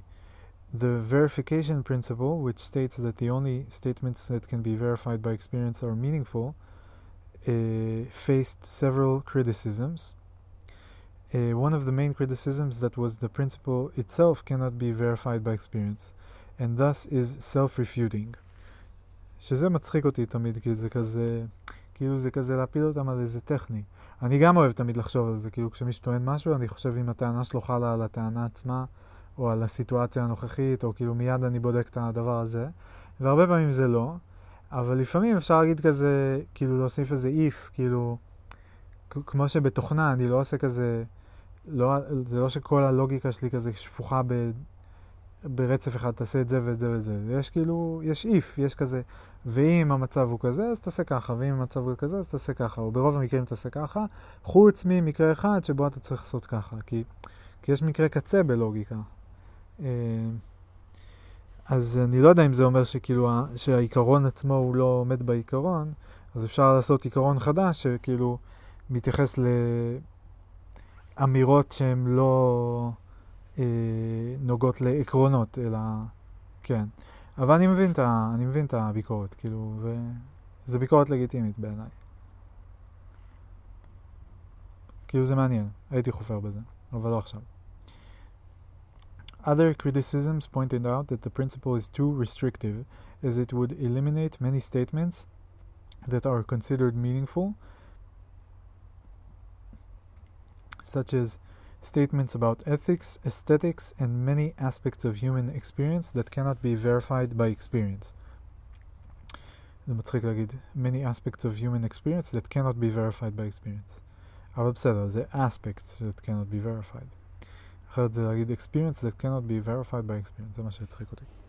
Furthermore, many philosophers have argued that traditional metaphysical and ethical questions cannot be answered through scientific observation or logical deduction, but require a different kind of inquiry.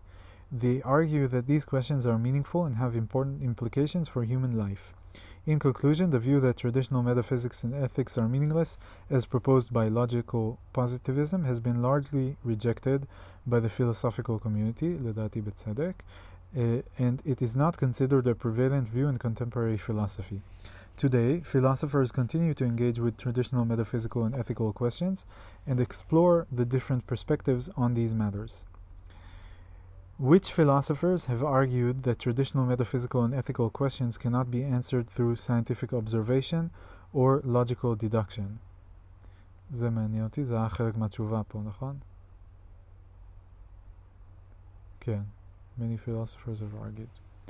Many philosophers have argued that have argued that traditional metaphysical and ethical questions cannot be answered through scientific observation or logical deduction, and that they require a different kind of inquiry. Some examples of philosophers who have made this argument include 1. Martin Heidegger, who argued that traditional metaphysical questions, such as the nature of being, cannot be answered through scientific observation or logical deduction, but require a different kind of inquiry called ontological inquiry. אני לא, בינתיים לא התרשמתי מהצורת inquiry שלו. 2. מוריס מרלו פונטי, כל השמות פה הם לדעתי טוב, אולי תומאס נגל לא. כולם פה הם די כזה יותר קונטיננטליים מאשר אנליטיים. מה שאומר שהם טועים, סתם. מריס מרלו פונטי, who argued that traditional metaphysical questions, such as the nature of perception and the relationship between mind and body, cannot be answered through scientific observation or logical deduction, but require a different kind of inquiry called phenomenologic, phenomenological inquiry. Uh, שזה אני אגיד על זה במשפט, קראתי איזה ספר של מריס מרלו פונטי, לא הבנתי כלום. זה לא, אני לא זוכר אם זה היה ספר שלו או איזה סיכום ש, של, של הרעיונות שלו שמישהו אחר כתב. Uh, לא, לא ממש הבנתי יותר מדי. פנומנולוגי, כאילו, זה גם, עוד לא בדיוק הבנתי מה הפילוסופיה בזה. אני מבין שזה כאילו מין להתעסק ב-first person point of view, כאילו במקום מדע שבא מה-third person point of view, להתעסק במה אני חווה מין גישה מדיטטיבית בודהיסטית כזאתי, משם התחברתי לזה, אה, וגם מדברים על זה, אה, איך קוראים לו? דאגלס הרדינג, עם הרעיון שלו של The Headless Way, שהוא כאילו, כל הקונספט שלו זה שכאילו אם מסתכלים, כאילו מדעית אני יודע שיש לי ראש. אני יכול להרגיש אותו, אני יכול לטפוח עליו, אה, אני יודע שיש לי פרצוף, אני יודע שיש לי עיניים ואף וכולי. אבל אם אני הולך אה, אמ, אמפירית, כאילו לפי החושים שלי, מתוך הנקודת מבט שלי, אז אני מעולם לא ראיתי את הראש שלי. אני יודע, אני את האף שלי יכול לראות משני הצדדים, גם אני רואה אותו כשני צדדים כאלה, אני לא רואה אותו כדבר אחד. אה, כשהוא מתחבר אז הוא מתחבר לי במין פזילה כזאת שכאילו התמונות עולות אחת על השנייה, תמונה מעין ימין ומעין שמאל. את העיניים שלי אני לא יכול לראות, את הפה שלי אני לא יכול לראות, מעולם לא ראיתי את הפה שלי. Uh, המקום היחיד שבו ראיתי את הראש שלי או את הפה שלי זה או בתמונות או בהשתקפויות שלי uh, במראה. אז uh, אם, כי, כאילו, גם אם לא חייבים ללכת כל כך רחוק ולהגיד שאוקיי, ה-first person science, הגישה הפנומנולוגית, זה כאילו רק מה שאני רואה, אז אני לא יכול לסמוך אפילו על השתקפות או על תמונה, לא צריך ללכת עד כדי כך.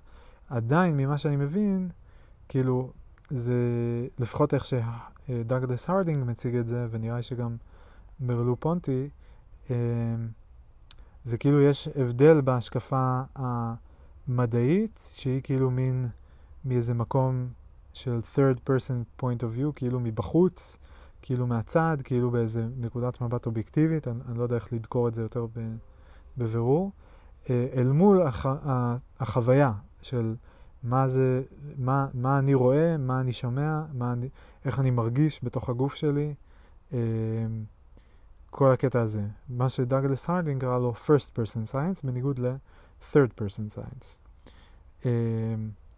בעצם, אבל אפשר לבוא ולהגיד שכל ה-third person science הוא נעשה דרך first person science, כאילו אין דרך לעשות שום מדע, לא מדע ולא שום דבר אחר, שלא דרך first person science, כי כל מה שאנחנו עושים הוא דרך ה-first person point of view שלנו, והוא אה, כאילו scientific במובן שאנחנו מחברים בין נקודות, וכאילו מה אנחנו רואים, ורציונליות וכל הקטע הזה, אותם כלים שמפעילים כשעושים ניסוי על אלקטרונים או על uh, תרכובות uh, קימיק, של uh, כימיות שונות, uh, או על חלבונים, או לא יודע מה, זה הכל בסוף אני עושה דרך העיניים שלי, דרך האוזניים שלי. Uh, אז כאילו ה-third person science עובר דרך הצינורות של ה-first person בכל מקרה. anyway, זה היה איזה סייד נוט על פנומנולוגי. Uh, ומריס מרלו פונטי. יש לי עוד, uh, אני קניתי ספר לאחרונה של uh, אדמונד הוסרל, שהוא אחד מההוגים uh, של הגישה הפנומנולוגית, שאני מאוד מקווה שיעזור לי להבין אותה קצת יותר טוב. ואולי אני גם אעשה שיחה עם ChatGPT. טוב, next. ז'אן פול סארט. who argued that traditional metaphysical questions such as the nature of freedom and the relationship between cons- consciousness and existence cannot be answered through scientific observation or logical deduction, but require a different kind of inquiry called existential inquiry.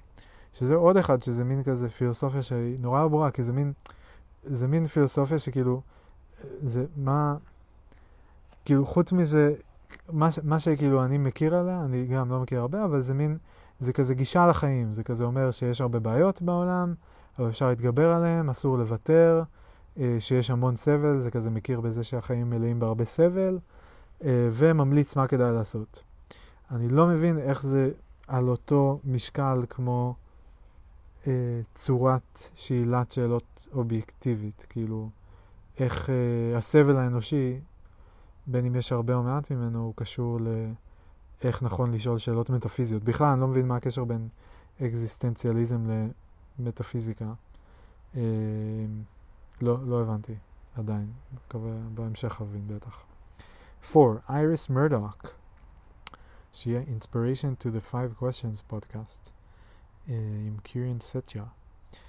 Uh, Iris Murdoch argued that traditional ethical questions, such as the nature of moral responsibility, cannot be answered through scientific observation or logical deduction, but require a different kind of inquiry called moral inquiry.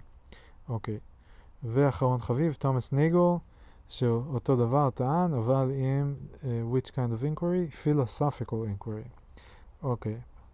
מעניין מה זה אומר, אבל אני כבר לא טרחתי לשאול. These are some examples of philosophers who have argued that traditional metaphysical and ethical questions cannot be answered through scientific observation or logical deduction, but require a different kind of inquiry. They have all contributed significantly to the development of the field of philosophy, And their works are widely studied and discussed. יפה מאוד, אז בזאת אנחנו מסיימים את ההקלטה של השיחה שלי עם צ'אט GPT מ... אה, לפני חודש, או משהו באזור הזה, אולי קצת יותר. אה, מוזר שהם לא כותבים פה תאריכים. אה, נחמד, היה מעניין. אני, כאילו איכשהו היה לי תחושה שהצלחתי קצת יותר, אה, כאילו, לנעול, ל, ל, לתחום כזה בדיוק את מה שוויטגנשטיין אמר בספר הראשון והשני וכולי. ופה זה שוב הרגיש לי קצת יותר לוס כזה. יכול להיות שאני ארצה לשמוע עוד פעם את הספר השני ולחזור אליו. אה, אם כי... כאילו יש הרבה רגעים שאני כזה מין, טוב, זה קצת בזבוז זמן, כי... לא יודע, כי אני כזה... המקסימום שאני מקבל זה מין משהו ש... אה, שהוא אמר שאני יכול להסכים איתו. כי על כל הדברים האלה אני כבר חושב הרבה זמן, ויש לי מחשבות משלי, ויש לי את ההסברים שלי, אז כאילו המקסימום שאני מקבל זה כזה שהוא עוזר לי להסביר את זה על ידי זה שהוא מגדיר את זה בצורה שאומר, אה, יפה, זו הגדרה טובה. יחסית נדיר שאני פוגש איזה משהו שאני אומר, וואי, על זה בכלל לא חשבתי, משנה לי את כל התפיסה, כאילו זה לא קורה. אמ, והרבה מזה אני עושה גם כדי שאני אוכל לתקשר עם אנשים אחרים שלמדו את הנושאים האלה דרך החשיבה של הבן אדם הזה, כי אני חושב שרוב האנשים... אני לא יודע, אולי זה מתנשא, או אולי זה פרשנות לא נכונה, אבל כאילו, בגלל שאני עברתי מסלול לא קונבנציונלי, כאילו לא באקדמיה למדתי פילוסופיה, אלא באודיבל, אה, ומתוך עניין שנולד בכלל בבודהיזם ודברים אחרים, אז אה, כאילו, לי זה מרגיש, הרבה פעמים אני מרגיש שזה הרבה דברים שחשבתי עליהם, ועכשיו אני מנסה להבין אם מישהו אחר חשב כמוני. אה, ואיפה אני מסכים איתו, ופחות עניין שהוא יחדש לי איזה משהו. לא יודע, בכל אופן אני כן מפיק מזה ערך, וזה כן עוזר לי לאבד עוד את הרעיונות, ולפתח שפה, ולהכיר עוד את הבן אדם, ולהכיר עוד את ההיסטוריה וכולי, ולצבור נקודות זכות כאלה של, כאילו, אם אני אדבר עם מישהו שכן חשב על הרעיונות האלה, והוא ישאל אותי דברים שקשורים לוויטגנשטיין שדיבר עליהם, או אה, או הפיץ אותם להרבה אנשים, אז אני אדע להתייחס. זה, זה חלק ממה שאני מקבל מזה. טוב, ועכשיו בונוס, אנחנו נעשה מהר מאוד את המאמר של האנציקלופדיה של הרעיונות במשחקי לשון. הוא לא קצר מאוד, אבל הוא גם לא ארוך. יאללה, מתחילים. משחקי לשון, language games. לודוויג ויטקנשטיין. יש פה כמה ציטוטים. אם מישהו מקדים את זמנו, הוא יתפוס אותו יום אחד. לודוויג ויטקנשטיין, culture and value. Uh, לעתים תכופות אנו מחושפים על ידי איזו מילה, לדוגמה על ידי המילה לדעת. לודוויג ויטקנשטיין על הוודאות. החל מאיזה מספר של כתובות, בתים או רחובות, מתחילה עיר להיות עיר. עיר. את השפה שלנו ניתן לדמות כעיר עתיקה, מבוך של סמטאות וכיכרות, ובתים ישנים וחדשים, ובתים עם תוספות מתקופות שונות, וכל זה מוקף בהמון פרברים חדשים עם רחובות ישרים וסדורים, ועם בתים אחידים. מעניין. זה מתוך חקירות פילוסופיות, לא, לא זכרתי את זה. אה, אוקיי, אז משחקי שפה, משחקי לשון, מונח שטבע הפילוסוף לודוויג ויטקנשטיין, 1889 עד 1951, המערער על ההנחה המסורתית כי השפה היא תמונה של העולם. אה, כי אה, תפקידה לתאר אובייקטים מהותיים, נצחיים, בתוכו. לדעת ויטקנשטיין אין מערכת אחת המאפיינת את השפה. הבנת המציאות כרוכה בהבנה, אה, בהבנת כללי תפעול שונים המתווים את מסגרת ההבנה ומעניקים לה את משמעותה. השפה היא מעין תיבת כלים שנבנתה, שנבחנת באמצעות כושרה, שימושיה וביצועיה. עמדה פילוסופית פרגמטיסטית זו קושרת ידיעה עם ביצוע ורואה את הגדרת האמת ביחס לידיעתם של כללי תפעול הקרויים משחקי לשון. אוקיי. הרעיון של משחקי לשון, שאותו הציג ויטגנשטיין בספרו חקירות פילוסופיות, ויטגנשטיין, 1953, אה, עומד בניגוד לרעיונות שאפיינו את ספרו המוקדם, מאמר לוגי פילוסופי, ויטגנשטיין, 1921. בספרו המוקדם החזיק ויטגנשטיין יש פה כאילו תמיד שני שנים, אז אני, אולי השני זה בעברית.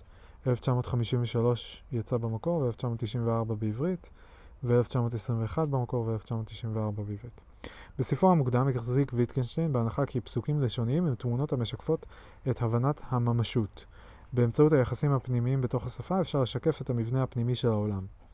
לכן השפה היא, מפתח להבנת העולם. גבולות העולם הם גבולות השפה. בסיומו של מאמר לוגי פילוסופי, אנו קוראים לא שאין לסתור את הספקנות, אלא שהיא חסרת מובן. לבטח אם היא מבקשת להטיל ספק במה שאי אפשר לשאול עליו. שהרי הספק יכול להתקיים רק במקום, במקום שקיימת שאלה.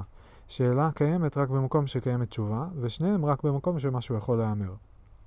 כן, שזה מצחיק להגיד שאלה קיימת רק במקום שקיימת תשובה. למה? מי קבע? אה, או בניסוח מפורסם המסיים את המאמר, מה שאי אפשר לדבר עליו, על אודותיו יש לשתוק. זהו העולם הראשוני של ויטגנשטיין בניסוחו של דייוויד ג'י שטרן. אף כי אין לומר עליו דבר, אין להטיל ספק בעצם קיומו, או ביכולתו לומר את עצמו, במרכאות. אה, חקירות פילוסופיות מציג עמדה אחרת לגמרי. הפסוקים הלשוניים אינם תמונות של העולם המייצגות את משמעותו, אלא מעין כללי התנהגות לשוניים המייצרים משמעות זו. או בניסוחו של ג'ון סרל, המשמעות של מילה היא השימוש שלה בשפה. מש... מבנה השפה שלנו קובע את האופן שבו אנו חושבים על העולם הממשי.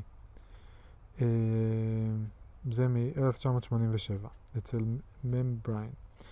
מבנה הממשות הוא תל... תלוי הקשר ביחס למנגנון מושגי מסוים הקובע את כללי פרשנותו. זהו כבר העולם השני שבו הפילוסוף הוא חלק מן הבעיה שהוא מנסה לתאר. הפילוסוף אינו מדבר מנקודת מבט מטאפיזית, המטיבה לתאר את הממשות. הפילוסופיה אינה מש... משנה את המציאות. היא משאירה כל דבר במקומו, היא רק מתארת את האופנים השונים שבהם הדברים מונחים זה לצד זה. עיין ערך פעולת דיבור. אה, אוקיי. אני חושב, אגב, שאם מגדירים את זה ככה, שכאילו בראשון הוא מדבר על תמונות של העולם, שזה אני פשוט אקרא מודלים. מודלים, שפה כאילו היא מעבירה מודלים של העולם, ובשני הוא מדבר על language games, אז בעיניי זה כאילו מין, זה לא סותר את הראשון, זה סוג של הרחבה של הראשון, כי ה-language games עדיין מעבירים תמונות של העולם, פשוט איזה תמונות עוברות זה תלוי בחוקים שהם נקבעים בקונטקסטים שונים, כן? כאילו, אה, כששחקן כדורגל צועק אה, עצור, אה, לשחקן אחר יש לזה משמעות שונה מכשחייל אה, צועק למישהו אה, במעבר גבול עצור. לא יודע אם זו דוגמה הכי טובה. אמ, או... כי זה לא בדיוק, כן. זה מעביר פקודה, שפקודה זה כאילו מין אה, מודל של מה אני רוצה שאתה תעשה. או איך, איזה סיטואציה אני מצפה שתקרה עכשיו. אה, בכל מקרה, בשני המקרים מעבירים מודלים, פשוט איזה, כאילו, זה לא שהמודל מועבר, אלא הוראות, השפה זה הוראות ליצירת מודלים, על פי תפיסתי. ואז אה, המודלים הם אותן תמונות, עכשיו התמונות לא עוברות, עוברות ההוראות. הצד השני צריך להרכיב מההוראות את התמונה, ואיך הוא מרכיב את זה לפי חוקים. חלק מהחוקים זה חוקי שפה שהם די משותפים לכל המשחקים שמתרחשים בשפה. למשל, אה, כל המשחקים בשפה העברית, שוב, כלב זה כלב וחתול זה חתול ועץ זה עץ ושיח זה שיח. אה, אבל בקונטקסטים שונים, אולי אה, כלב יכול להיות דמות מצוירת של כלב בטלוויזיה, ואולי בקונטקסט אחר כלב יהיה פשוט קללה. אה, נגיד בסדרה שראיתי אתמול, שמישהו אומר על איזה עורך דין, אתה רוצה שאני אלחץ יד לכלב הזה? אז הוא לא מתכוון כלב החיה, הוא מתכוון לבן אדם שלא ראוי לכבוד הזה שלי, כי הוא עשה לו משהו רע לפני זה. אה, אבל בשני המקרים הוא מתכוון לאחת מהפרשנויות המקובלות של כלב. יפה. בואו נמשיך. ויטגנשטיין אומר, לעתים קרובות השוויתי את השפה, את השפה לתיבת כלים המכילה פטיש, איזמל, גפרורים, מסמרים, ברגים ודבק. לא במקרה הונחו כל הדברים ביחד, אך ישנם הבדלים חשובים בין הכלים השונים. משתמשים בהם במשפחה של דרכים, אם כי לא ייתכן דבר שונה זה מזה מדבק ואיזמל. ויטגנשטיין, פרט... פרקים באסתטיקה. כל אחד מן הכלים מייצר משחק לשון אחר, כלומר משטר שונה של פרשנות, שמוביל למשמעות שונה של הפסוק הלשוני. בין הכלים המונחים בתוך התיבה מתקיים יחס משפחתי, בסוגריים כולם כלי עבודה, זאת אומרת בשפה שלי הם כולם באותה קטגוריה, הם משתייכים לאיזושהי קטגוריה משותפת, ואולם כל אחד מן הכלים קשור לאופן שונה של ביצוע, ולכן מקיים משחק לשון משל עצמו.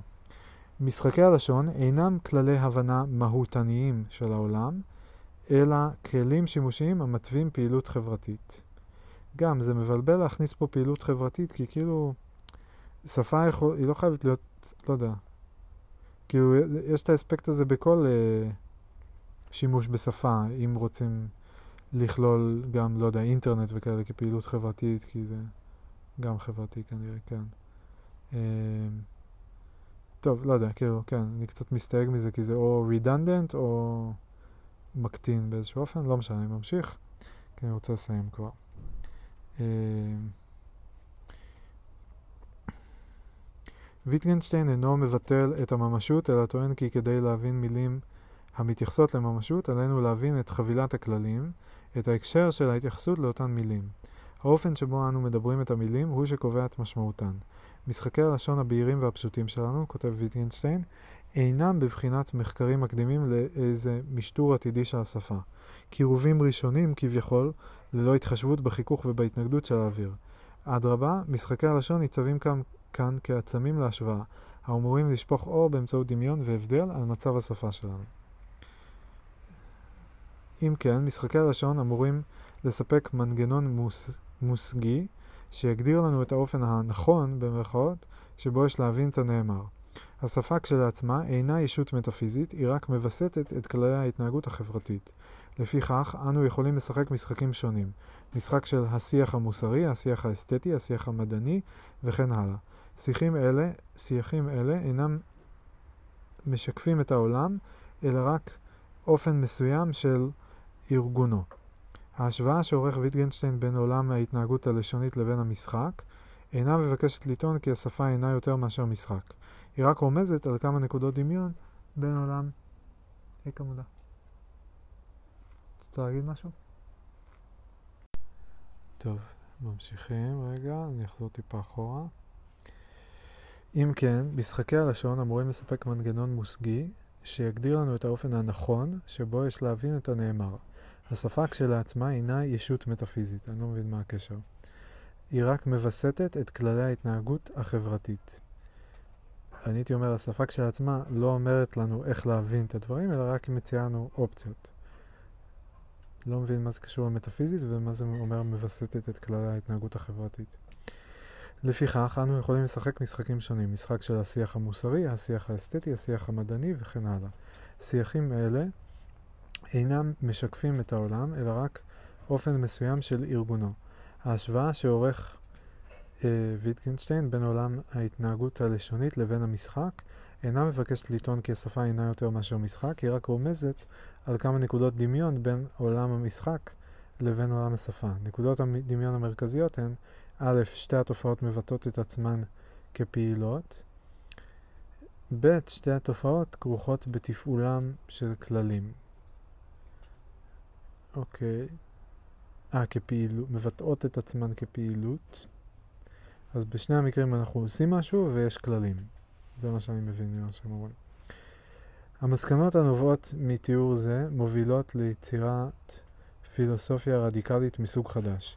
בניגוד לתפקידה המסורתי של הפילוסופיה, שהתמקדה בבניין, בבניית מודלים אמינים של המציאות, תפקידה העכשווי הוא פעילות מתארת. הבעיות נפתרות, כותב ויטגנשטיין, לא על ידי התווספותו של מידע ניסיוני חדש, אלא על ידי הארגון של מה שידוע זה מכבר. הפילוסופיה היא מאבק נגד כישופה של הבנתנו באמצעות השפה. כדי לצאת מכישוף זה, יש לראות בפעילות הלשונית ביטוי לאופנים של התנהגות חברית, חברתית, תלוית הקשרים וכללי ביצוע. הפילוסופיה אינה יכולה לפתח עמדה בלתי תלויה, אובייקטיבית, סמכותית, יודעת כל ביחס לפרקטיקות שלנו. היא עצמה אה, אופן של תיאור הנוגע לפרקטיקות האלה. אי אפשר אפוא לעמוד מחוץ לשפה, מחוץ לכללי המשחק שהיא מכתיבה. משום כך הפילוסופיה לא, נצר, לא נוצרה כדי לפתור בעיות, כפי שהציעו הפילוסופים המסורתיים, היא משאירה את הדברים כפי שהם, או בניסוח אחר, כל בעיה פילוסופית היא מהצורה איני מתמצא. וכן, הפילוסוף מטפל בשאלה כמו במחלה. לא הבנתי את כל, ה... את כל הקטע הזה. דווקא מעניין, כי השיח הזה הוא כאילו מעניין אותי. איני מתמצא, כל בעיה פילוסופית היא מהצורה איני מתמצא. כאילו אני מבולבל? אוקיי, לא יודע. המודל של פתרון בעיות הוא, מודל, הוא המודל הקלאסי של הפילוסופיה ושל החשיבה הרציונלית המערבית בכללותה. ואולם הוא אינו מספק תשובה לשאלת ההבדלים שהניואנסים הלשוניים יוצרים בנוגע להבניית ההתנהגות בחיי היומיום. כדי ליצור תקשורת עלינו להתבונן איפה לא במעמקים הלשוניים המהותיים, אלא בפני השטח, בהתנהגות היומיומית הנובעת מכללי התנהגות גלויים או סמויים שאנו מקבלים על עצמנו, בין אם הם ממשיים, בין אם הם, או בין אם הם דמיוניים. במובן זה התקשורת נתפסת בניגודה של הבנת עומק החודרת למהותם הנצחית של הדברים. התקשורת פירושה קבלה של מסגרת קונספטואלית של כללים שתבהיר באיזה אופן יש להבין את הנאמר. מה שעומד על סדר היום אינו הבנה אנליטית של הנאמר, אלא יכולת להתבונן בו בדרכים ביצועיות שונות, שאת קיומן ניתן לאתר בניסיון היומיומי. אה, שם, אה, הבנתי, שם, כותבים בסוגריים שם, מספר 144. זה כאילו ה... האמירות בחקירות פילוסופיות בספר השני מחולקות, ל... הן מוספרות עם מספרים, אה, בספר הראשון זה כזה הכל היררכי, זה 1 עד 7, אבל כאילו זה בהיררכיה אז יש כזה 6.1.2.3.1, ובספר השני זה פשוט מספר רץ, כאילו integers.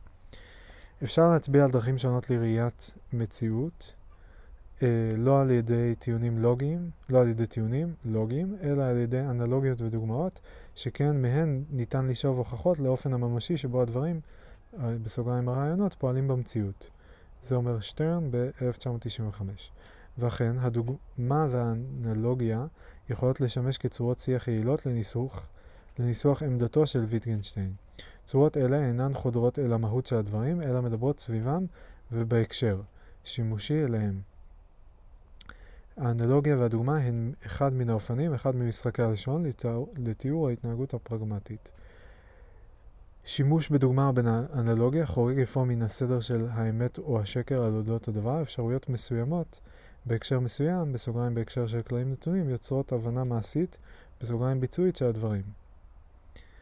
אוקיי, אוקיי, לא יודע. זה לא נכון להגיד שכאילו אנלוגיה ודוגמה הן יוצאות מן הסדר של אמת ושקר, לדעתי. דומה כי קשה להפריז בהשפעתו של ויטגנשטיין על החשיבה המדעית, האומנותית והתרפיוטית של המאה ה-20. מבחינה פילוסופית ראוי לראות תיאוריה זו בהקשר להיסטוריה של הספקנות מצד אחד ושל הפרגמטיזם מצד אחר. מנקודת מבט ספקנית, ויטקנשטיין טוען כי איננו יודעים דבר על העולם החיצוני וכי כל מה שנתפס בעינינו כאמיתי נראה כזה רק בהקשר של הניסיון המדעי. ניסיון זה כשלעצמו הוא תוצאה של פרוצדורה, תולדה של ציות לכללי המודל הרציונלי של פתרון בעיות, ולכן אינו אלא משחק לשון הקרוי השיח המדעי. ואולם אי הביטחון שלנו נעלם אם אנו פונים לנקודת המבט של הניסיון היומיומי בצורתו הסמויה. הניסיון כ-common sense הוא מארז של כללי התנהגות, השומט את הקרקע מתחת למודל של חשיבה מטאפיזית יסודנית, Foundational Thinking. הפילוסוף סול קריפקה, בספרו על ויטגנשטיין, מבליט את הספקנות הרדיקלית של ויטגנשטיין ביחס למשמעות, באומרו כי היא מניחה את ההנחה הזו. ההסבר למה שהדובר מתכוון במילים שלו עצמו תמיד פתוח לאי הבנה. ההבנה אינה מחי... מחויבת על פי הכלל, אלא היא מופיעה תמיד בהתאמה רטרואקטיבית אליו. הכלל מוסב איפה לאחור, לאחר שזוהה כאופן של התנהגות מעשית המנסחת אותו ומראה אותו לחברה. אני לא נהנה מהכתיבה במאמר הזה, אני מצטער. אשר לפרגמטיזם, אפשר למקם את ויטקינשטיין בתוך מסלול של חשיבה שיש לו היסטוריה משלו. ויליאם ג'יימס, ג'ון דואי, תומאס אס קון, ז'אק דרידה, סטנלי קאוול, ריצ'רד רורטי, הם דמויות מפתח ברשימה הזו. מי זה סטנלי קאוול? אותו אני לא מכיר. בדומה לפרגמטיסטים, גם ויטגנשטיין מניח כי הסובייקטים מכוננים עצמם בתהליך של התנסות, בדומה להם גם הוא מניח כי האמת תלויה באופן הארגון האינסטרומנטלי שלה. הכללים הם הרגלים של חשיבה או כללי התנהגות, ובניסוחו של רורטי, הפרגמטיזם אינו מתבונן במדע כעגל זהב חדש שנועד למלא את מקומו של האל, הוא מתמודד, מתבונן במדע כענף של הספרות, ובאמנות כאופן של חקירה. זהו הדחף לעסוק בפילוסופיה בפי קטנה, פילוסופי, ולהימנע מפילוסופיה בפי גדולה.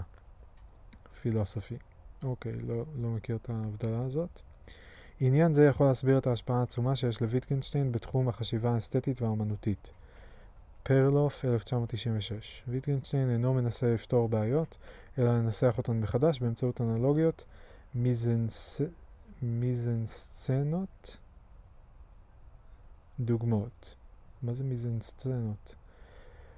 אה, אלה הם טקסטים ביצועיים לדוגמה, שאינם אלא מטאפורות פרגמטיות לאופנים אפשריים של תיאור והבנה. לימים תתקשר החשיבה באמצעות מטאפורות פרגמטיות לאופן חשיבה פוסט-מודרני, אה, ותאומץ על ידי הפילוסוף, הפילוסוף ז'ון פרנסואה ליוטארד. אה, נסכם, תורתו של ויטגנשטיין המאוחר, התיאוריה של משחקי הלשון, חורגת מן התחום הצר, יחסית, של הפילוסופיה המקצועית. היא מעמידה את השיח הפילוסופי באור חדש. כמעין דחף אקזיסטנציאלי, מה הקשר? המצרף ליריות סג... סגנונית, אה, מבנה אפוריסטי וכן התעקשות על הטון הרגשי האינטימי שהפילוסופיה שלו טעונה בו, עמדתו מקרינה על מגוון נרחב של התנסויות בשטח הספרות, האומנות הפלסטית, האדריכלות, הדת ומדעי ההתנהגות, אם למנות רק רשימה חלקית. תפיסה תרפיוטית המושפעת מוויטגנשטיין תתבסס על נקודה מרכזית אחת, בניית מודל טיפולי שאינו, שאיננו מבוסס על עיקרון של פתרון בעיות. הצעת תרפיה שמבטלת את העיקרון של היענות לבעיה, בסוגריים המחלה, באמצעות התשובה, בסוגריים הריפוי. ניסיון לבטל את נחרצותו של הסימפטום, לתאר אופנים פלורליסטיים של החיים, בבחינת משחקי לשון אפשריים, שיטה זו תיושם למשל בטיפול נרטיבי. אני ממש ממש לא מבין מה הקשר בין זה לבין טיפול. ובכך להגדיר מחדש את גבולותיה של החירות האנושית. או-אה. חירות זו אינה מנותקת מחיי היומיום ומשפת היומיום, יתרה מזו, המילים בשפה הן בעלות משמעות משום שיש להם קריטריון המגדיר את אופן יישומן התקין. הקריטריון הוא משחק הלשון. כל אמונה פרטית שלנו, למשל, אינה מובנת כשלעצמה, אלא במסגרת משחק לשון כללי הקרוי מערכת האמונות שבה אנו מחזיקים. תפיסות מעין אלה מעמידות את ויטקנשטיין כפילוסוף הרואה בשפה מכשיר המייצר והמתרגל צורות חיים שונות. אאודי 1995. טוב, סיימנו. יפה. יאללה ביי.